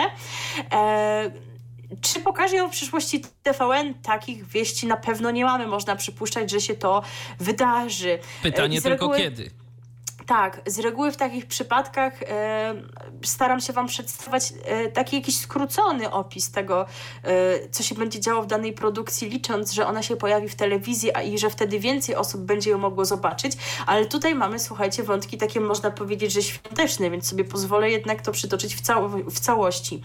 E, natomiast premiera już po świętach. We wtorek, 29 grudnia, w playerze zadebiutuje nowa produkcja własna serwisu pod tytułem Nieobecni. Główną bohaterką Nieobecnych jest Mila Gajda, znana oraz ceniona artystka i performerka. Po długiej nieobecności dziewczyna przyjeżdża do rodzinnego Kasprowa na święta Bożego Narodzenia to tutaj w małym miasteczku mieszkają jej najbliżsi Marcin, Dorota i Olek Gajdowie. Kiedy Mila dociera do domu, zostaje okruszki na talerzach, zimną herbatę w kubkach, karpia pływającego w wannie i rozpoczęte przygotowania do świąt. Brakuje jednak najważniejszego rodziców i brata. Kobieta rozpoczyna dramatyczne poszukiwania, zastanawia się, jak to możliwe, że w małej miejscowości, w której wszyscy wszystko o sobie wiedzą, nikt nic nie widział i nic nie słyszał. W tym trudnym momencie Mila poznaje Filipa Zacharę, ekscentrycznego, mającego zespół Aspergera, a przy tym niezwykle bystrego podkomisarza z Centrum Osób Zaginionych.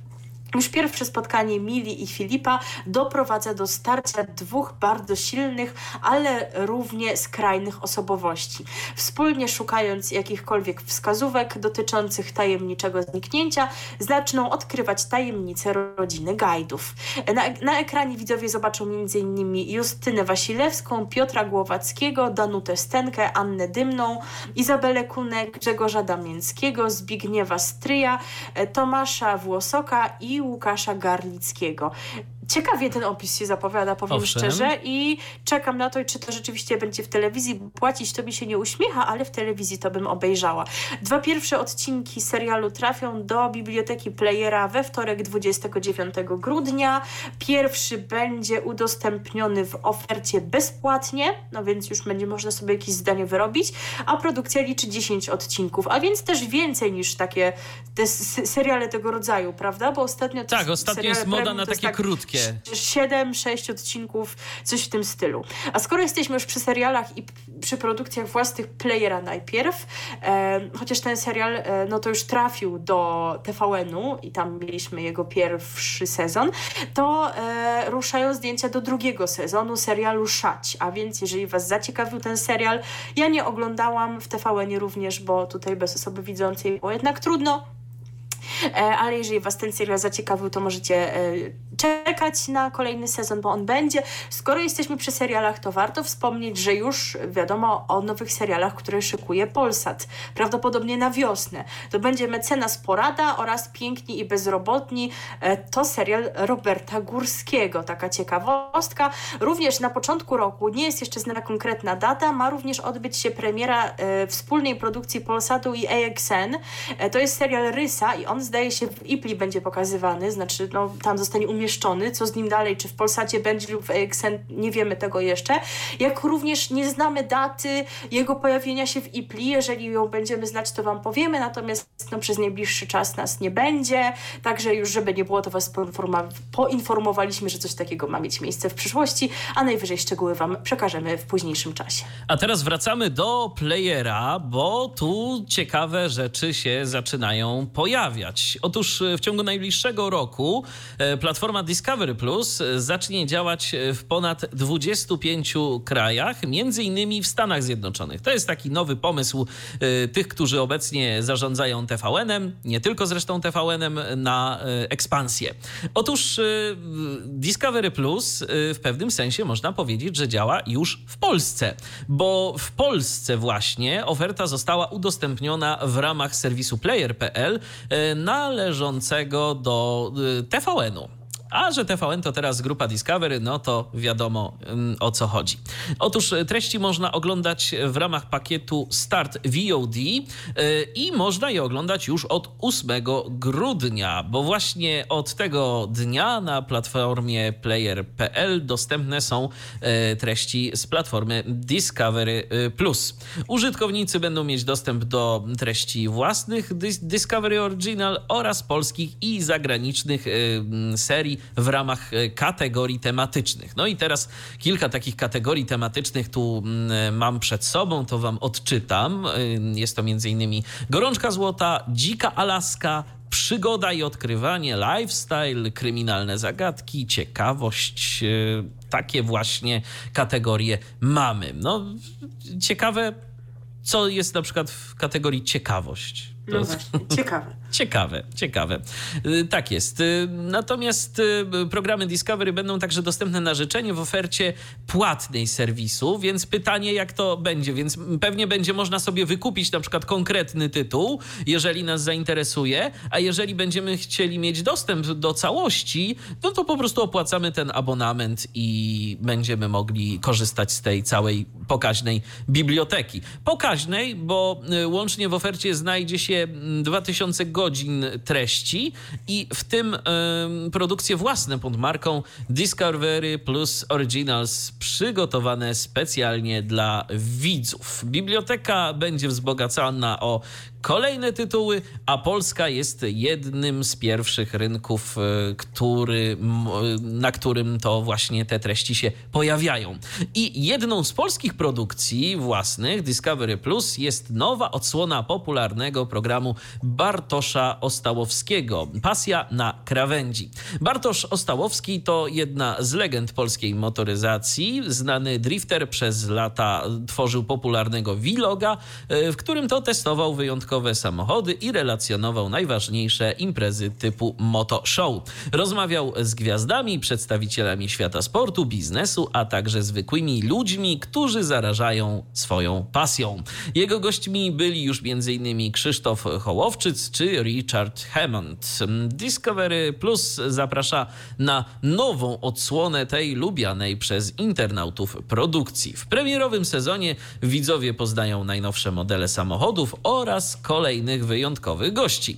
Na fotelu pasażera zasiądą m.in. Radosław Majdan, Gabi Drzewiecka, Mateusz Gessler, y, Karolina Kowalkiewicz i Sylwia Bomba. A wśród testowanych samochodów znajdują się Porsche 911, Toyota Supra, Audi RS7 czy Ford Ranger Raptor. Nowe odcinki pojawiają się co środę, więc jeżeli ktoś ma ochotę, to jeszcze parę dni wystarczy poczekać i już coś będzie nowego, chociaż przypuszczam, że już teraz, no skoro to wszystko od 8 grudnia ruszyło, to że już tam można sobie coś oglądać. A jeżeli was nie interesują samochody, a interesują was takie bardziej życiowe historie, oparte, oparte na faktach jeszcze w dodatku, yy, no to też coś dla was mamy, bo w piątek, 11 grudnia, e, w serwisie player.pl również został udostępniony dramat sensacyjny 25 lat niewinności. Sprawa Tomka Komendy. E, produkcja oparta na faktach opowiada o młodym mężczyźnie niesłusznie skazanym na 25 lat więzienia za gwałt i zabójstwo nastolatki. Tomasz Komenda miał 23 lata, kiedy jego normalne życie zostało brutalnie przerwane. Z dnia na dzień został zatrzymany, wtrącony do więzienia i oskarżony o morderstwo. Kolejne ekspertyzy potwierdziły jego udział w zbrodni, a wszelkie dowody działały na jego niekorzyść. Przez blisko dwie dekady uwięzienia był bity, zastrażany, upokarzany i zdany tylko na siebie. W końcu, po 18 latach odsiadki, na jego drodze pojawili się prokuratorzy i policjant, którzy postanowili odkryć prawdę stojącą za zagadkową sprawą zatrzymanego. 25 lat niewinności, sprawa Tomka Komendy to opowieść o niezłomności ludzkiego ducha, wytrwałości oraz sile, jaka tkwi w rodzinie. Historia y, pokazuje nieznane wątki i rzuca nowe światło na wydarzenia, które doprowadziły do skazania i uniewinnienia komendy. E, reżyserem filmu, e, filmu jest Jan Holubek. W obsadzie znaleźli się m.in. Agata Kulesza, Jan Frycz, E, Andrzej Konopka, Magdalena Różczka i Dariusz Chojnacki. A rolę Tomasza Komendy zagrał Piotr Trojan, mający na koncie udział w takich produkcjach jak Chce się żyć czy seriale Pułapka i Pierwsza Miłość. No i teraz, jeżeli chodzi o to, jak można skorzystać z tego materiału, to film dostępny jest w ofercie transakcyjnej e, platformy player.pl. Trzeba zapłacić za dwa, trzeba zapłacić 25 zł e, i dzięki tej opłacie 25 zł otrzymujecie dostęp do materiału na 48 godzin. Więc w zupełności wystarczy, żeby obejrzeć, ale filmu nie macie na własność, nie możecie go pobrać, nie możecie no, z nim nic zrobić, tylko po prostu sobie, jak ktoś się mówi, postreamować. No i tyle. E, I to tyle takich informacji około telewizyjnych, o telewizji zahaczających, które e, na dziś dla Was mamy. Za chwilę jeszcze przejdziemy do radia na moment, taki dłuższy, w zasadzie dwa momenty, bo będą dwa wejścia o radiu. Tak. E, a teraz piosenka ze wspomnianego przez Ciebie filmu, no bo ten film, no to przypomnijmy, to nie jest jakaś produkcja robiona dla playera, on już był pokazywany, nie pamiętam, czy on się doczekał kinowych pokazów, to jeszcze przed pandemią było, czy, czy jak to wyglądało? Oj, ja też nie, nie pamiętam. Nie mam niestety. tej pewności, no ale w każdym razie już być może na przykład go oglądaliście, bo to na pewno było możliwe, e, więc możecie napisać nam o swoich opiniach. No a teraz jest taka właśnie możliwość w playerze, a e, piosenkę do tego filmu nagrał Kazik. E, no nie wiem, może nie będę tutaj swoich opinii o tym utworze przedstawiać, bo tak wydaje mi się, że można było lepszy opis. No jest nieszczególny ten utwór, nieszczególny, no tak ale tak no. wam poglądowo chcemy go zaprezentować, żebyście również sobie posłuchali, może jakąś opinię wyrobili. Natomiast no, pozostaje mieć nadzieję, że film jest zdecydowanie lepszy. RTV. O radiu i telewizji wiemy wszystko. Słuchacie cały czas programu RTV na antenie radia DHT.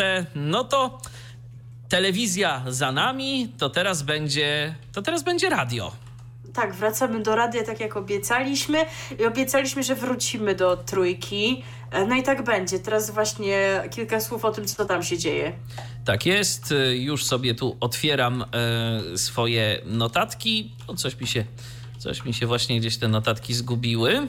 Mm, ale zaraz to, zaraz je mam nadzieję odnajdę. No na początek Wam opowiemy o tym, co też już zasygnalizowaliśmy, bo kwestia tego, czy trójka w tym roku licytuje, tak? Skoro 357 licytuje, to czy ci, ci też zamierzają? Otóż e, tak, zamierzają, ale no nie nagrali jakiejś żadnej piosenki, no tak jak mówię, chyba, że opublikują ją w przyszłym tygodniu dopiero, ale nie zapowiada się żadna piosenka o Karpiu, natomiast licytacja będzie, no ale na inny cel niż w przypadku Radia 357. Czy już jesteś gotów, żeby opowiedzieć naszym Już słuchaczom? jestem gotów, żeby Cieszę opowiedzieć się. o naszym słuchaczom, cóż to się tam będzie działo w Trójce, a co się będzie działo już jutro, bo właśnie Trójka wtedy na na swojej antenie przeprowadzi przedświąteczną... Już nie w piątki, co no, Nie, teraz to, teraz to niedziela, no wiesz, no taki szczególny dzień. Yy, przeprowadzi licytację na rzecz Fundacji Pomocą Wdowom i Sierotom po poległych policjantach. Licytację poprowadzą Piotr Łodej i Witold Lazar. Aukcja na antenie potrwa od godziny 12 do 18.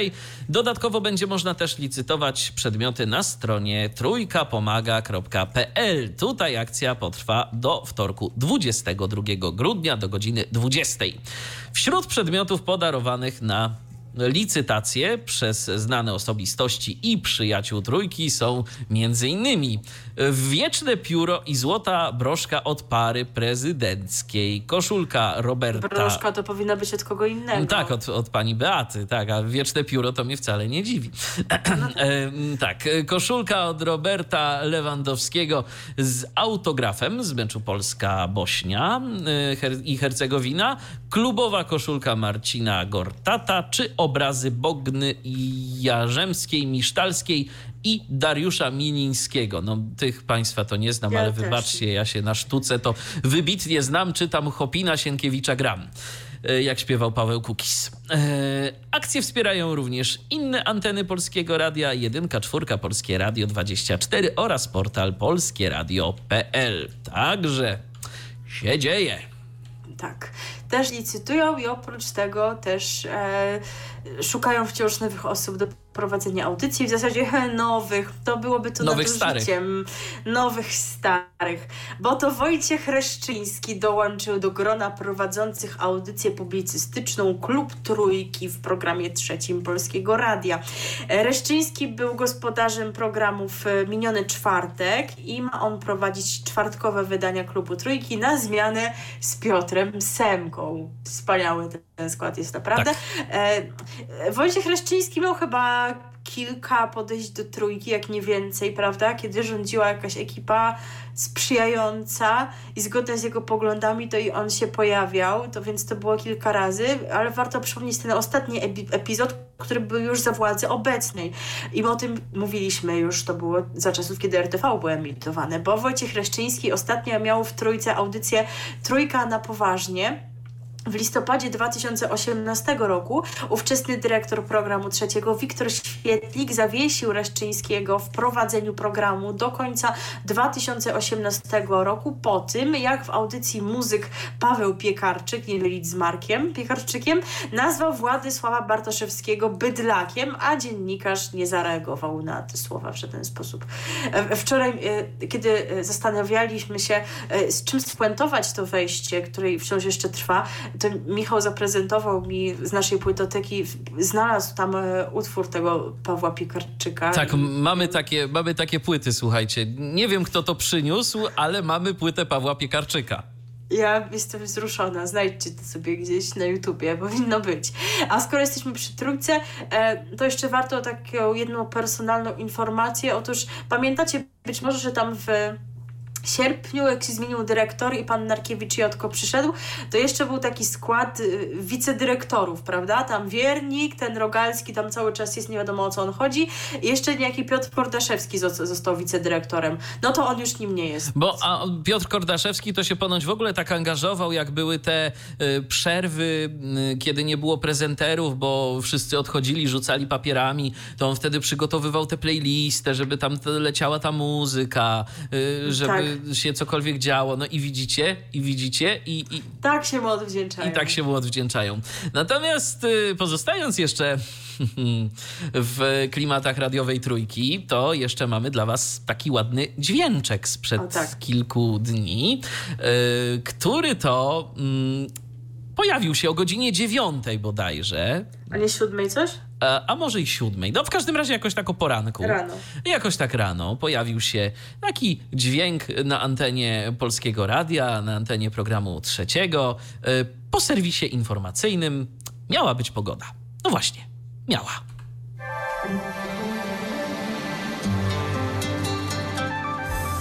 Sponsorem programu jest producent Insulanu suplementu diety na poziom cukru we krwi. Tam na nich Sariusz, że polskie radio fejki roznosi. A, to dlatego taka afera była. No. Yy, miałem pogodę. Grzesiu zrobił? Ale nie czytasz. Nie. Sponsorem programu jest producent Insulanu, suplementu diety na poziom cukru we krwi. Trójka. Program trzeci. Zapraszamy do reklamy. Fajnie. Nie pytajcie nas o co chodzi, ale była jakaś afera, że polskie radio puszcza fejki. Tam było brzydkie słowo, jakby się ktoś nie zorientował, tak, ale tutaj tak. wczesna godzina jest. Zareagowaliśmy odpowiednio. Cenzurka. Tak, więc y, takie rzeczy się dzieją w trójce. No ja stawiam po prostu, ale ja się naprawdę zastanawiam, jak to, jak do tego doszło, bo y, jaki tam musi być. Y, ja rozumiem, że w sytuacji, kiedy no nie masz kontaktu z realizatorem, to coś takiego może być. Coś mhm. takiego może wyjść. Bo ja za bardzo nie jestem sobie w stanie wyobrazić, jak taka sytuacja może być, kiedy skupiasz się na programie i kiedy wiesz, że ty masz właśnie w tym momencie się odezwać i kiedy zwracasz uwagę na to, co się dzieje. Bo ja rozumiem, mikrofonu nie wyłączy realizator na przykład, albo ty, kiedy realizujesz program. Y, jakiś tam dźwięk pójdzie nie taki, co trzeba, ale tutaj człowiek ma zaraz zrobić wejście a sobie po prostu z kimś gada, zanim, zamiast do tego wejścia się przygotowywać. No dokładnie. No to potem to po prostu tylko może coś takiego się wydarzyć. Także gratulujemy. E, widać e, po prostu profesjonalizm. A teraz e, przechodzimy dalej. Przechodzimy do no tak trochę polskiego radia, ale nie do końca. Już, już nie. Już nie, już nie. Bo to Andrzej Kocjan, yy, kojarzycie pewnie człowieka, mówiliśmy o nim yy, swego czasu, że przechodzi do polskiego radia. Yy, no i po pół roku pracy w programie pierwszym polskiego radia w styczniu wraca do Radia Z. Odszedł pan Andrzej z Zetki po 23 latach, w połowie tego roku. Stwierdził, że potrzebuje zmiany. Pytany wtedy, dlaczego wybrał jedynkę, przekonywał: Zawsze darzyłem polskie radio olbrzymią estymą. Pracowałem przed laty w Radiu Łódź, wracam do korzeni. No cóż, no to popracował. W jedynce przygotowywał i przedstawiał serwisy informacyjne, a w poniedziałek Euroz poinformował, że Andrzej Kocjan wraca do redakcji Radia Z i 4 stycznia obejmie stanowisko redaktora wydań, które zajmował wcześniej. A sam pan Andrzej no, nie chce sprawy komentować, natomiast z informacji, jaką uzyskał press, wynika, że to redakcja Radia Z zaproponowała dziennikarzowi powrót. Więc no cóż, tak to bywa po prostu. No bywa. Bywa. Niedługo nacieszył się posadą w radiu publicznym. No tak, tak chciał, no tak, tak. tak Sam tak, chciał. No, no, dokładnie. E, natomiast jeżeli jest wśród was ktoś, kto tęsknił się za panią Agatą Kowalską, e, no to jest dobra wiadomość, bo już wiadomo, gdzie tę panią będzie można usłyszeć. E, przypomnijmy, że ona Radio Tok FM opuściła kilka miesięcy temu. E, przy czym nie będzie to żadne medium, że tak powiem, tradycyjne, bo pół roku po odejściu z Radia Tok FM Agata Kowalska dołącza do redakcji Oko Press i będzie tam rozwijać sekcję audio, generalnie sekcję multimediów w serwisie. E, prowadzi, poprowadzi także własne audycje. Kowalska pracowała w TOK FM, przypomnijmy, od 2006 roku do maja roku tego, który jeszcze już nam się kończy. Złożyła wypowiedzenie, argumentując to innymi nagłą zmianą ramówki i skróceniem jej programu analizy. Tam był ten wątek, że SMS-owo, prawda, się dowiadywała o, ty, o tych decyzjach i tak dalej. Natomiast Sama Agata Kowalska wyraziła radość, że do współpracy zaprosiło ją jej ulubione, jej zaprosił ją jej, ją, jej ulubiony portal. No i to rzeczywiście fajne uczucie, prawda? To Dokładnie. tak jakby ciebie na przykład zaprosiło Radio Caroline do, do robienia tak, programu. Tak, tak, To musiałbym angielski poćwiczyć, co prawda, no tak. y, ale, ale to by było rzeczywiście, to by było fajne. Natomiast y, co do kolejnych informacji, to teraz przenosimy się, mm, no właśnie, już tak zajawiłaś tematykę internetu, bo Okopres, no to w końcu portal internetowy, a teraz będzie o internetowym radiu bo w Nuance Radio, ja zawsze mam problem, jak ich tam wymawiać, czy Nuance Radio, Nuance Radio. Ja też, nie wiem. Ale w każdym razie, w tejże stacji w zeszłą środę o godzinie 21 ruszył nowy program zatytułowany Hu wie. I gdyby ktoś sobie myślał, że to jakieś tam brzydkie słowo zostało skrócone, nie, absolutnie nie. To po prostu chodzi o to, że program ten jest prowadzony przez Huberta Urbańskiego. W audycji będą pojawiali się młodzi raperzy, aktywiści i inni przedstawiciele młodego pokolenia. Dziennikarz porozmawia z nimi o przyszłości pokoleniowej rewolucji, byciu digital natives. Co? Co to znaczy? Di digital natives. Nie jesteś digital native? Nie wiem, nie chyba. Ja mam wrażenie, że chyba jednak tak, bo to chodzi, mam takie wrażenie, że to chodzi o to, że po prostu z tą technologią się dorastało. Ja co prawda nie, A, ja, tak. ja co prawda nie jestem jeszcze z tego rocznika takiego, że wszyscy byli tak digital natives, ale no ja jednak siłą rzeczy od, od, od początku dorastałem z technologią, yy, bo chciałem i rzeczywiście mogę o sobie, myślę, tak powiedzieć, a współczesne pokolenia, które to po prostu smartfona w rękę dostają naprawdę bardzo, bardzo szybko, to, to, to, to są tacy, takimi cyfrowymi tubylcami.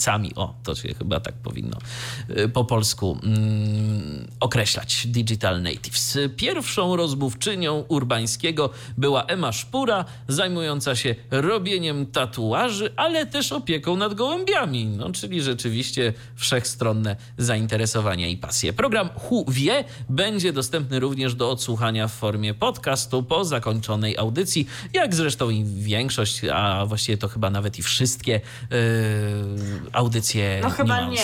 Nie? Ch- chyba audycje Makłowicza na przykład nie są, bo tam jest kwestia tych jakichś praw autorskich do piosenek, do niektórych utworów i chyba to tam jakoś jest problem z tą dostępnością. Oni tego. kiedyś też coś wrzucali na Mixclouda, więc pytanie, chociaż oni Może teraz, tam? chociaż oni teraz to tak bardzo poszli w e, tę swoją aplikację, ona zresztą jakąś nagrodę dostała, e, ta aplikacja Nuance, E, chociaż powiem szczerze, z takiego dostępnościowego punktu widzenia, to szczerze mówiąc, no ona nie jest najlepsza. Kiedyś jak była taka prosta, to zdecydowanie fajniej się z niej korzystało, bo tam w zasadzie włączało się po prostu radio i tyle, a teraz ta aplikacja to jest ta cała, wiesz, biblioteka audycji, możesz tam sobie to wybierać, przebierać. To już nie jest takie fajne, nie jest takie wygodne i dostępnościowo, przynajmniej na iOSie, no troszkę to kuleje. Kolejna informacja z kolejnego internetowego radia. Ale informacja. Obywatelskiego. E, Ale y, tej informacji nie jesteśmy w stanie potwierdzić, E, bo jest y, wiadomość, y, ją press opublikował, y, że redaktor naczelny Rzeczpospolitej Bogusław Hrabota będzie komentatorem piątkowych audycji Andrzeja Krajewskiego na antenie Halo Radia. Audycja Krajewskiego, w której rozmawia on z dziennikarzami, wydawcami bądź medioznawcami, między innymi o wolności słowa, na antenie Halo Radia pojawia się w piątki między 17 a 19. No to tak teraz No się tak. pojawia, bo tak właśnie nie bardzo, bo jeszcze niedawno to się pojawiała w czwartki między 17 a 19. Co E, jest teraz czwartek, to nie wiem, może to samo. w czwartek też nie wiem, bo ta ramówka to się tak zmienia, że ja już jej nie ogarniam, a poza tym już teraz to tak nie, niespecjalnie słucham Halo Radia. Od czasu do czasu rzucę uchem, co się tam dzieje i tyle. Yy, przypomnijmy, że pan Bogusław Hrabota jest redaktorem naczelnym dziennika Rzeczpospolita, prezesem Izby Wydawców Prasy, a od niedawna wiceprezesem Europejskiego Stowarzyszenia Wydawców Gazet.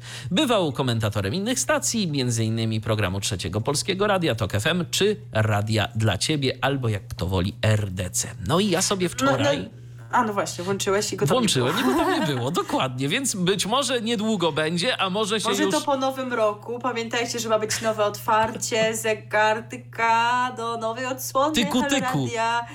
A nie, to pociąg jedzie. To jutro będzie, zrozumiecie o co chodzi z pociągiem, który jedzie i robi tyku tyku. E, natomiast e, to jest rzeczywiście coś takiego, czym Halo Radio się bardzo chwali, że ten hrabota tam będzie. E, I to jest coś też, co już było zapowiadane od kilku miesięcy, prawda? Tak, że będzie współpraca Wątły- z Rzeczpospolitą. już, już jeszcze za tych czasów, kiedy się wydawało, że tam wszystko gra, to mówił, że to będzie i chyba jeszcze, jeszcze z jakąś gazetą miała być współpraca, ale teraz nie pomnę z kim. Z Okopres się nie dogadali. Nie, nie, nie. Tam, I coś tam jeszcze miało być. I Kuba Wątły mówił, że niezależnie od tego, czy się nam to podoba, czy nie, to będzie ta współpraca, bo no bo po prostu brakuje środków, tak? I, i, I tak musi być. Więc teraz no po tym czasie dopiął swo- swego. Tam są jeszcze jakieś nowe nazwiska wciąż na antenie tego Halo Radia, ale nam to jest trudno po prostu nawet ogarnąć, bo nie są to osoby, które byśmy znali e, i też nie, nie słuchamy tego już po prostu, więc jak będziemy, jak sobie uporządkujemy to kiedyś, to być może powiemy, kto to właściwie jest i kto tam nadaje. O ile w ogóle, wiesz, jeszcze to będą te osoby, bo teraz, No y, teraz od nowego roku to mają być zmiany w Halo Radiu i pytanie, czy oni zostaną. Y, Na pewno efektem zmiany jest y, kolejna, y, myślę, że dla niektórych smutna informacja. Y, Dla tych, którzy jeszcze gdzieś tam czegoś usiłują na antenie Halo Radia z tego starego, z, tego, z, tych, z tych pierwszych takich jakby, mm, no może niekoniecznie pierwszych, bo ten pan się pojawił w sumie niedawno, ale jednak z tych takich klimatycznych audycji, o tak bym to nazwał, klimatycznych audycji Halo Radia, którzy próbują coś jeszcze tam y, wyłuskać, no to nie ma już Jerzego Nasierowskiego. E, nie ma, możecie znaleźć na YouTubie, na kanale pana Jerzego, bo on takowy ma, e, film, w którym przez 40 minut e, opowiada o tym, o swoim stosunku w ogóle do Halo Radia, co, jak, dlaczego, e, jak to się stało, że go wywalili, jak sam określa. Dokładnie. To znaczy, oczywiście, tu pan Jerzy jest bardzo miłym człowiekiem, takim y, i on tam też złego słowa jakoś nie powie. Y, on oczywiście bardzo, bardzo poleca Halo Radio i naprawdę i tam opowiada, że tam szanuje i Mariusza Rokosa i Kubę Wątłego i w ogóle, ale to tak mu się przykro zrobiło, że że zrezygnowano z jego programu. No, rzeczywiście, no, to, to jest przykre. Ja mówię, ja, ja akurat jakimś mega fanem audycji pana Nasierowskiego to nigdy nie byłem, natomiast to nie było coś, żeby mi to przeszkadzało jakoś, tak? To po prostu do takiej, y, takich opowieści różnych y, to też całkiem się przyjemnie słuchało. Ty byłaś zdecydowanie większą fanką.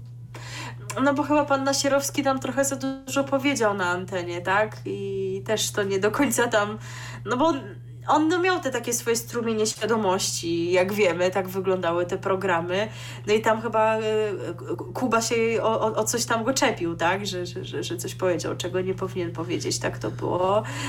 E, Zdaje no się, że tak i też nie mówił o, nie mówił tych y, fragmentów konkretnych, o kampanii, mm, o ciężarówce, tak? To, to... Znaczy, no po prostu uważał, że tego już jest trochę... Za dużo. Za, za, dużo, bo rzeczywiście oni mają taki przykaz, żeby informować o tej kampanii, ile kosztuje nas Kościół i czytują po prostu wszyscy ten sam tekst zawsze, a pan Jerzy może uznał, że to trochę już tam... Za dużo tego. Za, za, za dużo tego jest.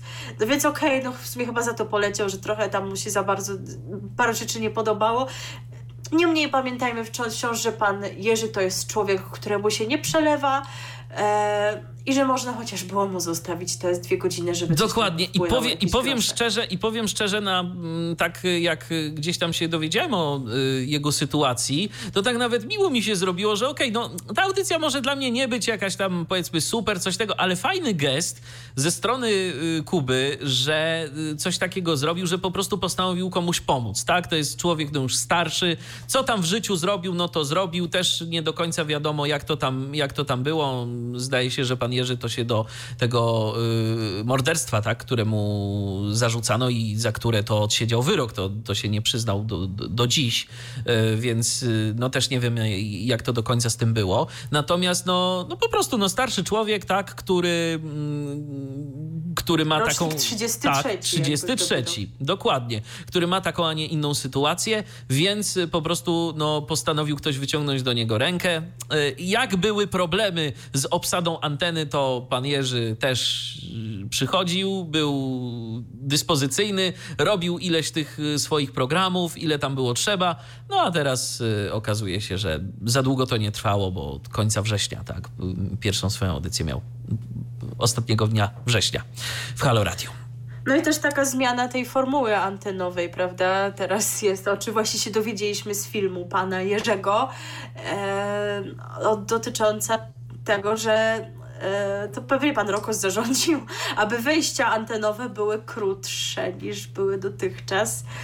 E, co uniemożliwia chyba, jak sądzę, albo raczej bardzo utrudnia taką dogłębną analizę tematu bez rozpraszania się, czemu chyba Halo Radio miało służyć, jak Owszem, sądzę. owszem, no też mi się tak wydaje, ale to, wiesz, nie mamy takiego doświadczenia jak Mariusz Rok. Nie mamy, nie mamy. W styczniu poznamy w ogóle wszystko to, co tam się zmieni. Zobaczymy. Tyku, tak. tyku. Tyku, tyku. tak jest. Y, no i teraz jeszcze taka jedna smutna informacja, to szczególnie dla mieszkańców Wielkopolski y, i okolic, bo 12 grudnia w wieku 50 lat zmarł Konrad Marcinczak. Y, to jest człowiek, który mm, pracował przez wiele lat w Kaliskim Radiu Centrum, później w Radiu Gorzów. Ja jeszcze pamiętam audycje Konrada, takie sobotnie, bardzo luźne, bardzo fajne zresztą w RMGFM, to się wtedy nazywało jeszcze, RMGFM. Także przez kilka lat był związany z pierwszą w Polsce interaktywną telewizją Amazing TV.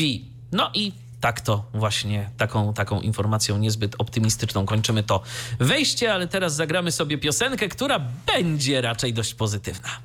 E, tak, zastanawialiśmy się, co wam tu zagrać. Nie będzie to Paweł Piekarczyk, który w swojej piosence sam przyznaje, że jest oszołomem, a będzie to pan, o którym tutaj również było, czyli Hubert Urbański, a raczej może niekoniecznie on, tylko Krzysztof Skiba i piosenka, w której Hubert Urbański się udziela, udziela to było wejście o radiu, a piosenka będzie o telewizji. No dlaczego nie? E, ta piosenka już u nas kiedyś była i inaugurowała jedno z wydań, konkretnie znalazłam, że 37, no to dlaczego by jej po takim czasie nie powtórzyć? Piosenka zatytułowana Tele, Tele.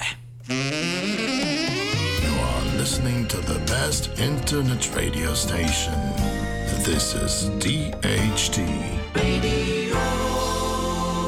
To z albumu Skiba dla dorosłych. Krzysztof Skiba, Tele, Tele. Gdzieś tam się w międzyczasie Hubert Urbański pojawił. Krzysztof Ibisz chyba Krzysztof też na samym Ibisz, początku. No, no. I, i, I, kiedy graliśmy ten utwór e, we wspomnianym wydaniu 37, to znalazłam, że zapytałeś mnie, czy aby ja nie jestem z tej rodziny państwa wiśniewskich, którzy brali udział w teleturnieju, więc mogę jeszcze raz potwierdzić, że się nic nie zmieniło i nie jest. Nie jesteś. Okej, okay. no to mamy jasność, gdyby ktoś był ciekaw tej kwestii. E, a tymczasem napisał do nas słuchacz Wojciech. Mm, I słuchacz Wojciech zapytał, mówiliście już o wnet w Białymstoku? Ruszyło! Nie, ale, ale powiemy za chwilę. Powiemy, w tak. tym właśnie wejściu, bo to będzie takie wejście radiowe, Radiowe. również, ale i informacje o trochę innym charakterze. E, No bo powiemy sobie sobie o emisjach, które już są, które się szykują i tak dalej. E, Zacznijmy od tego, co już jest i co jest, że tak powiem, na stałe, bo potem będzie o tym, co jest ok- okazjonalnie. E, 9 grudnia uruchomiono emisję multiplexu Polskiego Radia w Siedlcach, a w zasadzie niedaleko Siedlec, tam jest chyba to centrum nadawcze.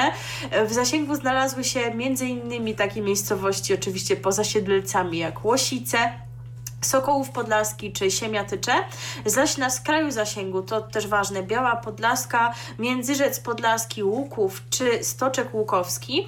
No i to ma tyle znaczenie, że tam odbiór w dużym stopniu będzie zależeć od tego, z jakiego odbiornika i anteny będziecie próbowali to odebrać. Więc Na uda, samochodowym może jest nie. większa szansa, albo ktoś jak ma dobry zestaw antenowy, to, to Dokładnie. wtedy też może posłuchać. I tego samego dnia zainicjowano emisję w Ostrowi Mazowieckiej, a właściwie w miejscowości Podborze. E, nadajnik ten wypełnia istniejącą dotychczas białą plamę pomiędzy emisjami z Warszawy i Białego Stoku. Obejmuje obszar ograniczony miastami Wyszków, Różan, Ostrołęka, Łomża, Wysokie Mazowieckie, Kosów, Lacki i Łochów. E, Także polskie radio i emisja radia cyfrowego się rozwija. No a teraz nie o radiu cyfrowym, bo w końcu będzie o tym, na co czeka Wojciech już od kilku miesięcy. Oj tak, czeka, czeka i się Czeka doczekał w końcu. W czwartek 17 grudnia w Białymstoku na częstotliwości 103,9 pojawiło się radio wnet. Przypomnijmy, że cisza na tej częstotliwości trwała od 2 września 2018 roku, kiedy zakończyło nadawanie radio Yard 2, a to z kolei zakończenie wspomnianej rozgłośni e, spowodowane było śmiercią posiadającego koncesję imienną Jarosława Dziemiana. O tym też mówiliśmy. Radio Yard się ostało, bo tam koncesja była na kogo innego, a tutaj była imienna, no i tak Tam po prostu była koncesja na spółkę, tam Tak. zdążono zadziałać na czas. Tak. E, rozpisując y, nowy konkurs koncesyjny ogłoszony w kwietniu 2019 roku, Krajowa Rada Radiofonii i Telewizji zdecydowała o zmianie przeznaczenia białostockiej częstotliwości 103,9, bo, no bo wcześniej był tam program o, y, skierowany do dzieci i młodzieży, taki było Radio Yard 2 zgodnie z koncesją, a teraz przewidziano stację zajmującą się tematyką społeczno-polityczną. No, nie nowość w tym sensie, że teraz sporo takich koncesji y, y, się wydaje i konkursów się rozpisuje, wiadomo pod kogo oczywiście. E, No i w tej kategorii wygrało właśnie Radio Wnet, które pokonało projekt Red FM białostockiej spółki KMGK. E, Oto radio też Eurozet zgłosił, czyli to, co wszędzie tam zgłasza, próbując y, wygrać z Radiem Wnet i im się nie udaje. No i Piotr Bajer, nadawca w tamtym rejonie, w, w, w Suwałk. E, pozdrawiamy naszego kolegę Roberta, redakcyjnego naszego kolegę. On, on do, dobrze zna te klimaty. No w każdym razie pan Piotr Bajer też chciał na Białystok swój zasięg rozszerzyć, ale nie Nie udało wyszło. się. E, Radio Wnet, przypomnijmy, nadaje już w Warszawie, Krakowie i Wrocławiu, natomiast na liście miast, w których ma pojawić się Radio Wnet, znaj- mają, e, znajdują się jeszcze Bydgoszcz, Łódź, Szczecin i Lublin. E, tyle e, wiemy, natomiast jeszcze taka informacja, w zasadzie dwie informacje z przyszłości. Otóż pojawiła się taka wiadomość, że wasze radio poszerzy z kolei swój zasięg, zagra w Gnieźnie na 96,8. Z kolei rozwija się również sprawa związana z radiem Wawa. Taki wierszyk prawie już na koniec programu, bo mówiliśmy Wam o tym, że oni chcą zmienić nazwę na Supernowa, bo Wawa się źle kojarzy poza Warszawą, no i rzeczywiście się to dokona. Radio Wawa ma zmienić tę y, nazwę w kwietniu. Nadawca dostał już zgodę od Krajowej Rady Radiofonii i Telewizji. Mówią, że chcą to zrobić w kwietniu, tak nie bardzo by chcieli w czasie lockdownu, no Wy nie wiecie jeszcze, czy w kwietniu nie będzie lockdownu, no właśnie. tak spokojnie. A poza, tym, a poza tym przecież y, jak jest lockdown, to ludzie będą w domu siedzieć radia słuchać. No właśnie, też jest to jakaś opcja yy, i ma to sens. Yy, a teraz przejdziemy do tego, co jest emitowane okazjonalnie, bo tak się właśnie złożyło, że w czasie pandemii niektórzy stwierdzili, że to dobry pomysł, żeby sobie przez jakiś czas ponadawać. Jeden taki projekt już się niestety zakończył, więc Wam o tym nie zdążyliśmy powiedzieć. Otóż yy, Radio Elbląg w moich okolicach nadawało przez pewien czas. Niestety nie udało mi się tego odebrać, a próbowałam nadawali na chyba 106,4 pod hasłem siła muzyki, ale siła muzyki już ktoś nadaje w tym no, kraju, no. kochani. No nie oszukacie nikogo, no, nie jesteście Radiem Z.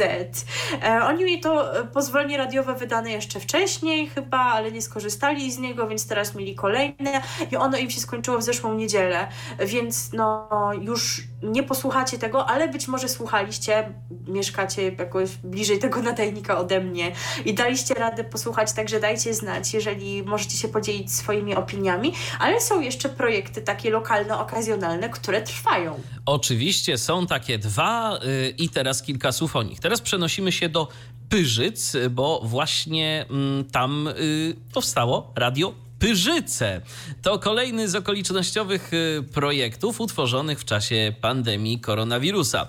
Nadawany na częstotliwości 91,1 y, w programie oprócz muzyki, wiadomości, wywiadów i komunikatów znajdują się m.in. życzenia, pozdrowienia, informacje dotyczące branży gastronomicznej. Tymczasowe y, pozwolenie na emisję ważne jest od 14 grudnia grudnia do 1 stycznia, ale to jest w ogóle ciekawe, bo oni już ponoć gdzieś tam e, na początku grudnia zajawiali, żeby ich szukać. Tak. To czy tam już jakaś piracka mm. emisja odchodziła? E? No, mm. ciekawe, ciekawe. E, osobą, która uzyskała to pozwolenie tymczasowe jest pan Ryszard Tański, redaktor naczelny dwutygodnika Puls Powiatu, były dyrektor Miejsko-Gminnego Ośrodka Kultury w pobliskich Lipianach.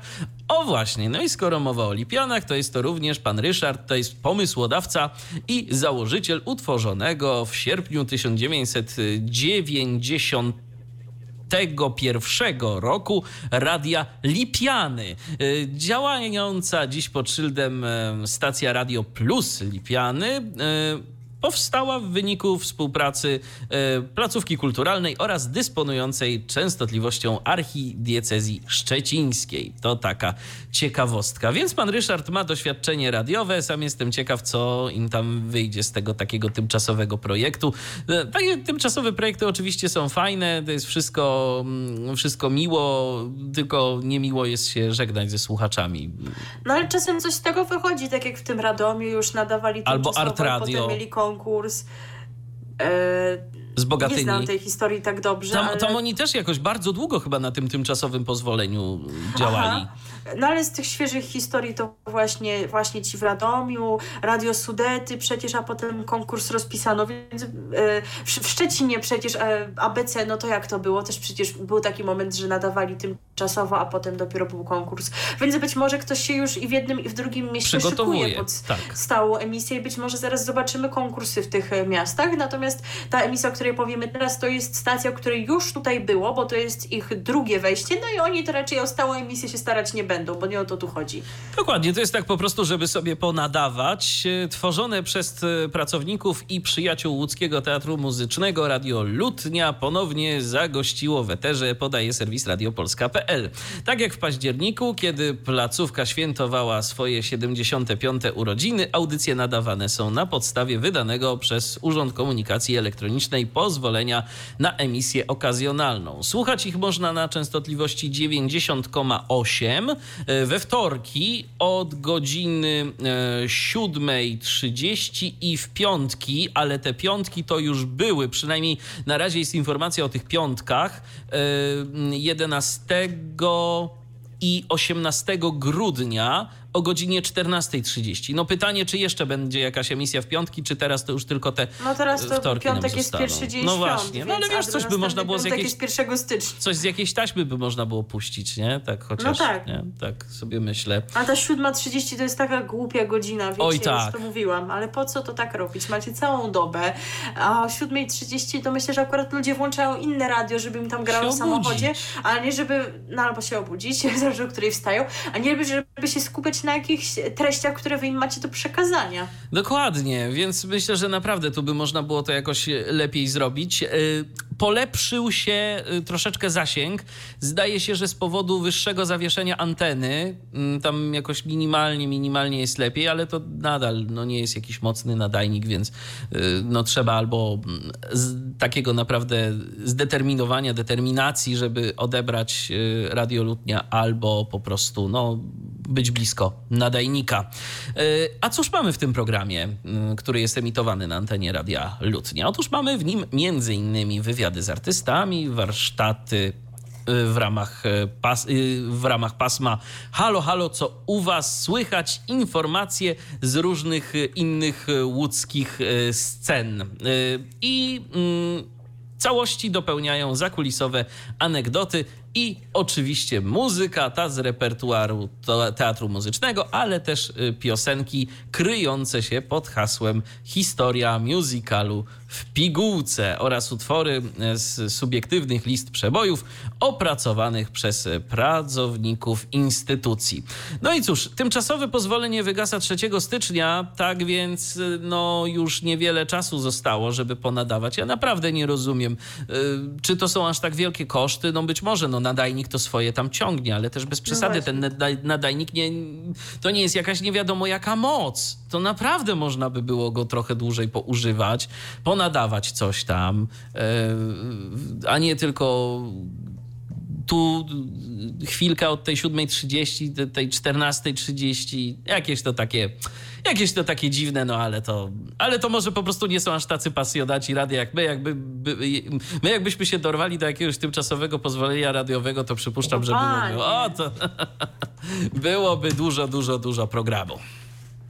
E, dokładnie tak i z tą informacją was zostawiamy na 24 godziny, można powiedzieć. Dokładnie, bo spotkamy się z Wami jutro o godzinie 19 i będziemy Wam przedstawiać świąteczne, ale też i sylwestrowe oraz noworoczne ramówki stacji telewizyjnych, żebyście wiedzieli, co możecie ciekawego obejrzeć, jeżeli zdecydujecie się e, no, na święta z e, telewizją, ale Sylwestra, to my Was tylko tak o Sylwestrze i Nowym Roku, to my Was tylko tak poinformujemy, bo... Z obowiązku. Tak, z obowiązku, bo bardzo serdecznie zapraszamy i namawiamy Was do tego, żebyście spędzili Sylwestra oraz Nowy Rok razem z nami, razem z Radiem DHT, bo będziemy mieć dla Was ym, szereg programów. Zaczniemy prawdopodobnie od godziny 15, a skończymy w nocy. Późny, o późnych godzinach nocnych, żebyście mogli się po prostu pobawić yy, z racji tego, że no, wychodzić to nie będzie można, to siedzieć w domu i radia słuchać i przy radiu się bawić. Yy, To Wam serdecznie zalecamy i polecamy. To jest dobra opcja, zareklamujemy się pewnie jeszcze jutro, a tymczasem piosenka na koniec, która również u nas już była, ale skoro mowa o Białymstoku, ja wiem, Wojciech pewnie powie, że jesteśmy jacyś nudni, że nam się tylko z tym to miasto kojarzy, ale nie sposób naprawdę nie wrócić do tego utworu. Tak, zwłaszcza, że to taki utwór, w którym wystąpi człowiek, którego nie ma już wśród nas, to sam pan Jarosław Dziemian, mm, właściciel radia Yard. I czego on tam właścicielem w Białymstoku nie jest? Właściwie nie był. Hotele, kliniki, sklepy, tam wszystko. Tam myślę, że on połowę Białego Stoku to, to miał wykupioną spokojnie. Zaśpiewa, bo moje miasto to Białystok. I tym nagraniem żegnamy się z wami do jutra. Dziękując za uwagę w kolejnym wydaniu programu RTV. Milena Wiśniewska i Michał Dziwisz. RTV. O radiu i telewizji wiemy wszystko. Co jest w telewizji grane? O czym radia szumią fale? Jeśli wiedzieć będziesz chciał, włącz po prostu RTV. W każdą sobotę od 16 na antenie radia DHT. O aktualnych wydarzeniach związanych z radiem i telewizją opowiedzą Milena Wiśniewska i Michał Dziwisz. Był to Tyflo Podcast. Pierwszy polski podcast dla niewidomych i słabowidzących. Program współfinansowany ze środków Państwowego Funduszu Rehabilitacji Osób Niepełnosprawnych. Słuchacie radia DHT. Merry Christmas!